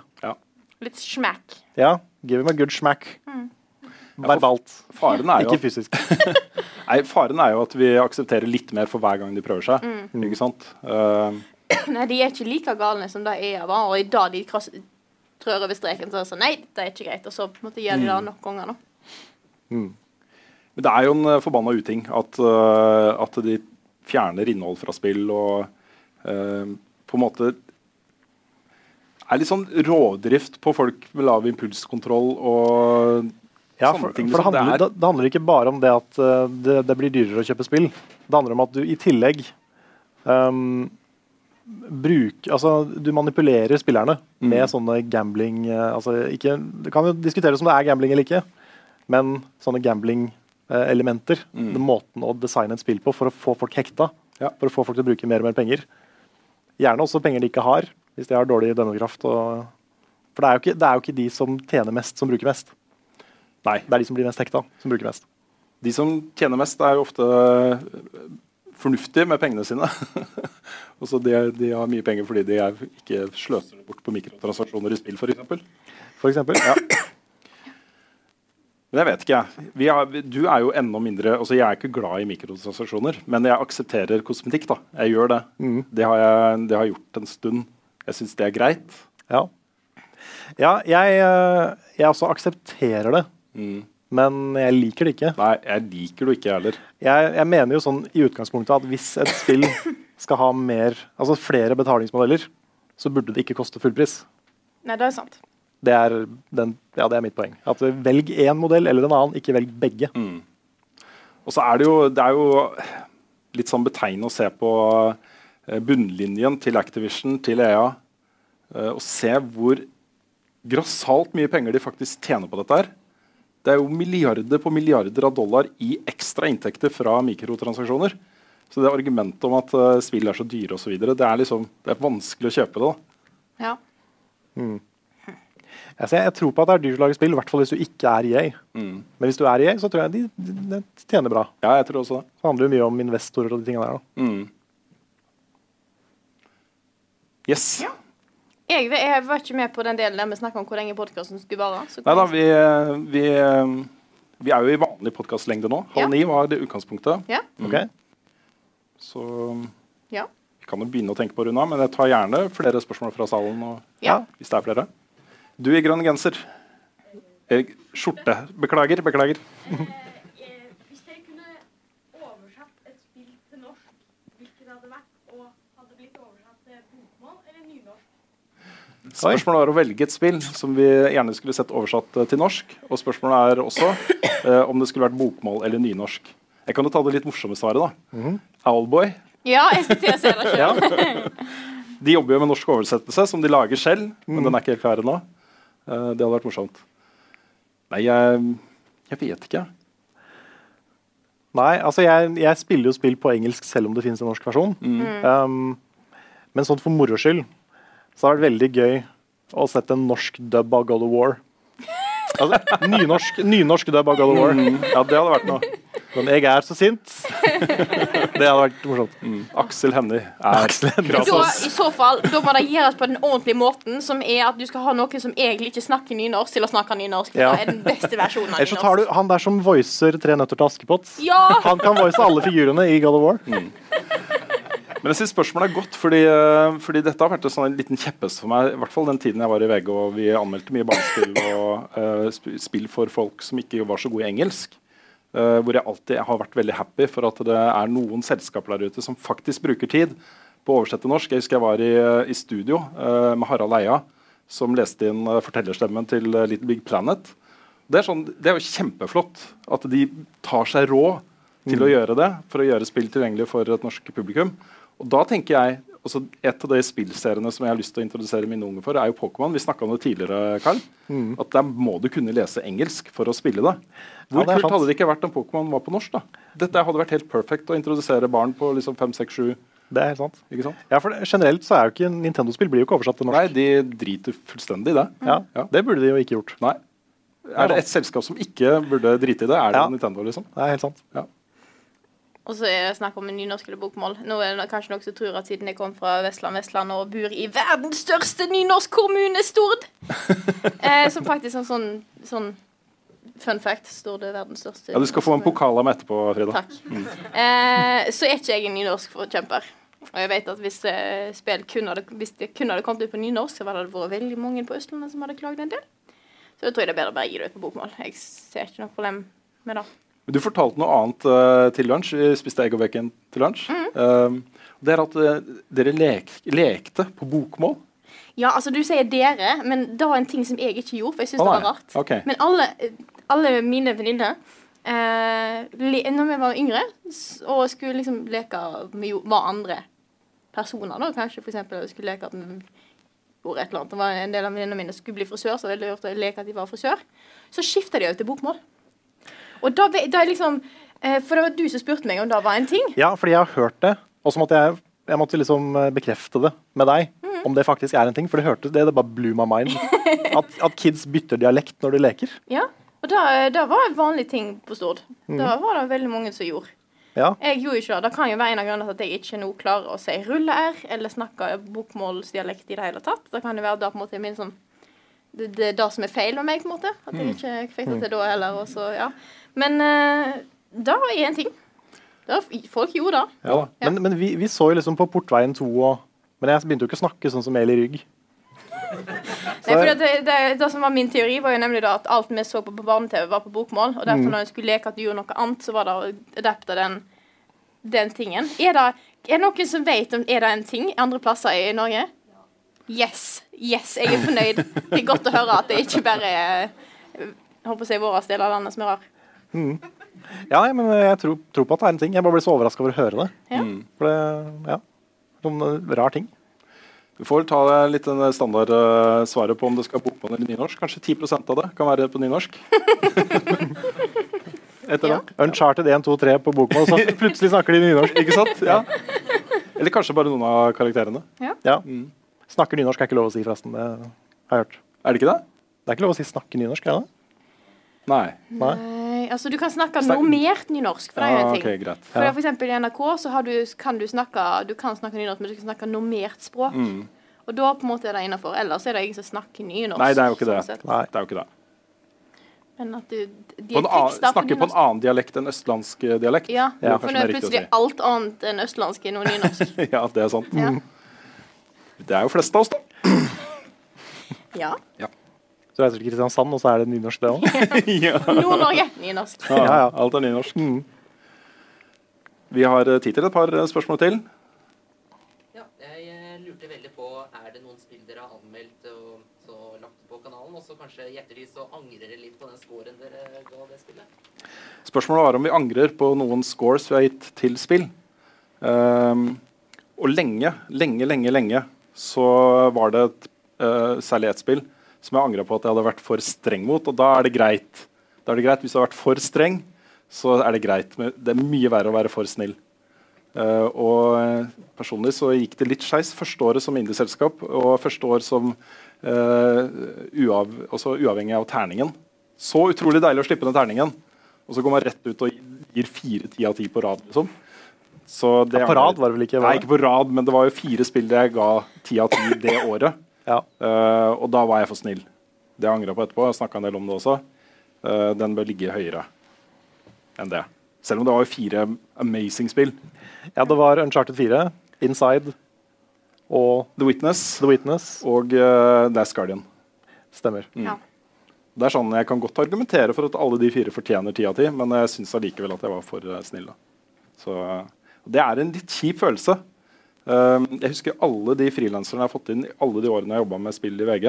Så Det første jeg har gitt beskjed om, er at det er mye bedre å være for streng enn å være for snill.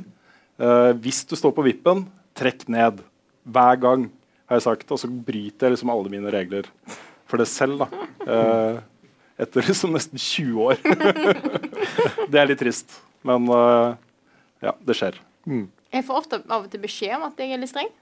Mm. Jeg har av og til gitt en karakter som mange sier jeg ville heller gitt det scoren over. Det har skjedd flere ganger.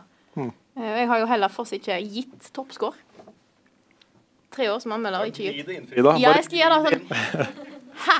Nei, så eh, Men det er bare fordi at eh, de spillene som jeg har hatt lyst til å gi toppscore, er det andre som har anmeldt. Mm. Det er bare det. Det er ikke at jeg ikke mener at det har kommet noe bra spill de siste tre årene. Nei, nei, for jeg ville også gitt The Witness 10 av 10. Eh, Jeg ga jo både Mario og Zelda 10 av 10 i fjor. Så jeg også har gitt tiere. Um, men det jeg angrer mest på Da var jeg ganske ny som anmelder. Og jeg ga Epic Mickey 2 terningkast 4. Og det fortjente kanskje heller terningkast 2. jeg var bare Den er drøy, Karl. Ja, den er det. Den er fordi drøy. Jeg var altfor snill. Mm. og det er fordi jeg trodde liksom ikke helt på meg sjøl. For jeg tenkte dette her er jo bra, men jeg koser meg ikke. Kanskje det er jeg som er problemet. Jeg var veldig usikker på meg sjøl. Ja. Og da endte vi opp med å gi det spillet veldig mye, mer, veldig mye bedre score enn det fortjente. Ja, litt, Det er litt min feil også. fordi I de tilfellene hvor, eh, hvor eh, jeg har fått inn anmeldere som ikke har vært vant til å anmelde spill, så har jeg snakka med de ganske mye om akkurat det. Tør å stole på deg sjøl. Ja, jeg, jeg gjorde det, jeg gjorde det etter, det, etter den anmeldelsen. Det er derfor jeg husker spesielt den. Ja, fordi eh, det var liksom den siste der vi jeg følte at dette her var for snilt. Mm. Så fra nå av skal jeg stole mer på min egen Du er streng, Karl. Jeg skal være streng og stole på min egen opplevelse. Og det har jeg gjort siden da. i hvert fall. Jeg tror ikke jeg angra veldig på noe siden da. Nei. Gni det inn. Ja. Gni det inn. Det er bra, det, Karl. Mange år siden. Supert. Flott, flott. flott. Eh, vi må begynne å tenke på å runde av her. Vi tar eh, et spørsmål til fra salen. Ja. Der falt jeg ut igjen. Ja. Et spørsmål til fra salen, og så kanskje et par fra Hvis det er noe annet. Jeg tror du bakerst har vært eh, lengst oppe. Ja, et litt uh, filmspørsmål. Hva er deres eh, forhåpninger og tanker om eh, Avengers Infinity War? Oh. Våre tanker om Avengers Infinity War? Ja. Jeg så jo nettopp Black Panther. Mm. Digga den. Ja, det går litt sånn i bølger for meg med Marvel-filmer. Eh, som regel er jeg veldig glad i de. Noen ganger så er det sånn der, ok, nå begynner det å bli litt mange, nå begynner det å bli litt, sånn, eh, litt predictable, kanskje. De begynner å bli litt like hverandre. Men nå, etter Thor Ragnarok og eh, Black Panther, så er jeg på toppen igjen. Nå kan Mm. de bare fortsette å komme ut for alltid. Og Infinity War er jo den filmen som skal uh, Som alle filmene har bygd opp til fra starten av. Det er vel 337 Marvel-karakterer i den filmen. Ja. Mm. Og alle sammen har en halv replikk. Ikke sant? Det er ikke 337. Det er veldig mange. Så, Det er veldig mange. Jeg så et bilde med alle som var med. Det var liksom Jeg tror kanskje aldri det har vært yearbook, liksom. Jeg tror aldri det har vært så mange kjendiser i en film. Nei. Så det, jo, det, er, det er en sånn massiv produksjon. Mm. Og jeg tenker sånn, tenk om den blir dårlig. Ja. Tenk om alle filmene har bygd opp til den, og så er den ræva. Det har fortsatt ikke vært en ordentlig ræva Marvel-film, mener jeg. Mm. Det er veldig kjipt hvis den er ræva. Det er helt sant. Jeg har datt litt av Marvel-greiene, for det ble så mye. Det ble så mange serier og så mange filmer, så jeg har liksom ikke klart å ta det igjen. Uh, så jeg uh, Jeg har liksom ingen forventninger til, eh, til nye Avengers. Jeg vet, ikke om, jeg vet ikke om jeg skal se den når den kommer ut. Jeg vet ikke når jeg skal se den. for jeg Nei, du må jo jeg- se den, da. Jeg må må jo da se vel, ja, ja, ja. Men det er bare at nå føler jeg at jeg mangler alt det som er foran. For Ja, se det først, da. Ja. Ja. Nå. Gjør det en gang. ja, men da går jeg. Da snakkes vi, da. Og så 18 filmer. Det, er så, det er så mange filmer at du kan ikke ha maraton engang. Altså. Nei, du kan ikke det. Hvis du har hatt Ringenes herre-maraton, så kan du fortsatt ikke ha Marvel-maraton. Men jeg har sett en del av dem, da. Det har jeg jo. Mm. Jeg tror Hvor mange Avengers-filmer har det vært før? Er det to? To. Ja. Jeg har sett begge de to. Ok. Ja. Men du må jo se alle TV-seriene også, fordi det, en ting jeg liker En ting jeg liker med de TV-seriene, er at de henviser til Avengers-filmene. Men som bare så eventene som skjer i det. Det er Ja, ikke sånn men, det, men, men de blir aldri essensielle igjen. Nei, nei, nei, men det er bare som med å bygge ut universet. Ikke Men sant? jeg, jeg, jeg elsker det at de gjør det. Jeg syns konseptet er så kult at de faktisk har fletta sånn alt at nå Marvel bare kjører på og har tjent så jæklig mye penger at de bare produserer TV-serier og filmer opp og ned i mente. Mm. Men det er det så mye greier. Ja, det er mye ting. Det krever litt å få med seg alt. Ja. Mm. Jeg har ikke sett alle TV-seriene. Nei, jeg har ikke sett alt, det heller. Jeg har ikke det. Jeg tror jeg har sett alle filmene. Jeg filmen, filmer har jeg sett. Ja. Men eh, jeg er veldig hyped på Infinity War. Ja da, Jeg syns, jeg syns liksom de Marvel-filmene er kos. Mm. Det er Uansett om de er kjempebra eller om de bare er underholdning, så er det uansett god underholdning. Mm. Prøvde å finne ut når jeg så siste liksom, superfilm. Bare sånn, Å ja, ja, ja, jeg så jo Wonder Woman! Feil univers. Ja. Boo! Den var bra, da. Ja, den var bra. Den var bra. Den var bra. Ja, den var det. Jeg har ikke noe veldig mye flere spørsmål på min liste. Nei da, jeg Nei. tror vi kan tenke på å runde av. Ja. Ja. Mm. Vi må jo takke Charlotte. Det er jo hyggelig å kjenne noen som sitter med budsjetter, som kan hyre oss inn for å gjøre ting. Det er Så bra. det er vi veldig, veldig takknemlige for, at vi har folk vi kjenner som, som eh, går inn på bunnlinja til Buffkitten AS. Det er veldig bra. Mm. Så takk for invitasjonen og for et bra opplegg, Charlotte. Eh, det gjøres jo andre ting her på biblioteket også. De har et stort eh, spillprogram med andre mm. ting enn oss. Charlotte har ofte spillkvelder, Ja. som er veldig koselig. Så, så ja, det Ja. var den tanken. Da kan vi legge i sånn som jeg vanligvis gjør, og si tusen takk til alle som støtter oss på Patreon. Det er noen av dere i salen også. Tusen Ja. takk skal dere ha, folkens. Det er veldig bra. Og ikke minst tusen takk til alle som er i salen. Ja, herregud. Det er veldig koselig at dere faktisk eh, gikk ut på en, på en torsdag og kom hit. Mm, ja. Altså det skal litt til å gå altså jeg, Det skal mye til for at jeg går ut et sted og ser på noe live på den måten. Så jeg syns det er koselig. Veldig hyggelig. Jeg var liksom, det er alltid så spennende på sånne arrangement. Sånn, hvor mange er det som kommer? Ja. Det noen? Er Hva om det ikke kommer noen? Ja. Det er en sånn tanke som aldri blir borte. Nei. Så det er kjekt å se at det er så mange her. Da er alltid veldig koselig. Det gir mer eh, Ja, og nå er jo kamera, Du kan ikke se hvor mange det er men det her sier jeg hver gang vi gjør sånne ting. Det Det er 300 300 stykker i salen. Ja. 300 også. Ja. 300 ut, ja, Ja. kjempebra. Vi har slått ut veggen, for det er folk bak. Ja. Og fortsatt, det var 500 stykker som ikke kom inn. For Ja, det det er sånn eget viewing-rom med direkte Ja, ja. live feed fra salen. Ja. Ja.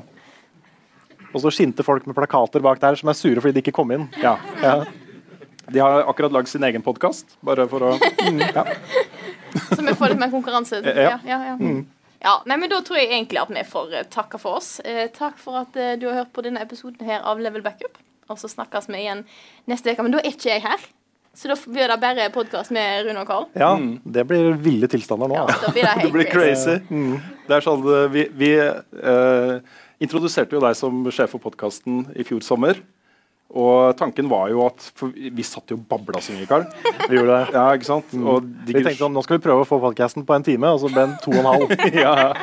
men, eh, men du er flink til å styre dette her, eh, Frida. Takk. Og ikke minst så har vi blitt litt mer bevisst når vi er på de villeste uh, historiene våre som ikke har noen ting med noen ting å gjøre.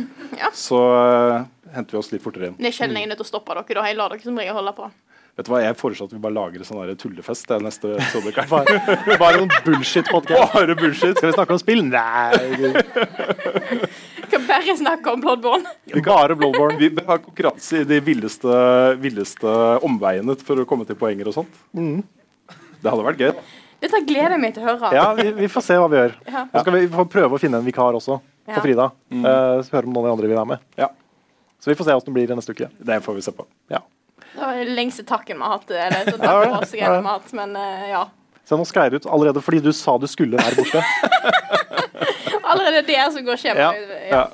Ja, nei, jeg tror vi bare får si ja. Eh, Nå, hva, hva er re, Skal vi prøve å få den over tre timer, Karl? Over tre timer. Over tre timer. Ja. Jeg har, er at jeg har noe innebegynnende her, så jeg sier liksom takk for oss, takk for at du hørte på. Mm. Så, så snakkes vi neste uke. Ja. Ha det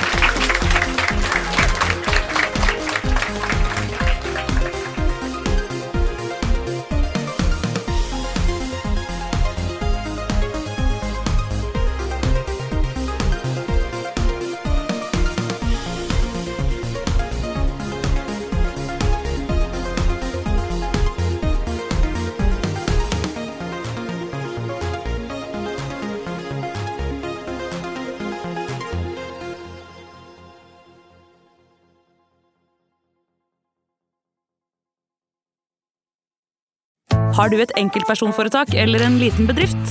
Da er du sikkert lei av å høre meg snakke om hvor enkelt det er med kvitteringer og bilag i fiken, så vi eh, gir oss her, vi. Fordi vi liker enkelt. Fiken superenkelt regnskap.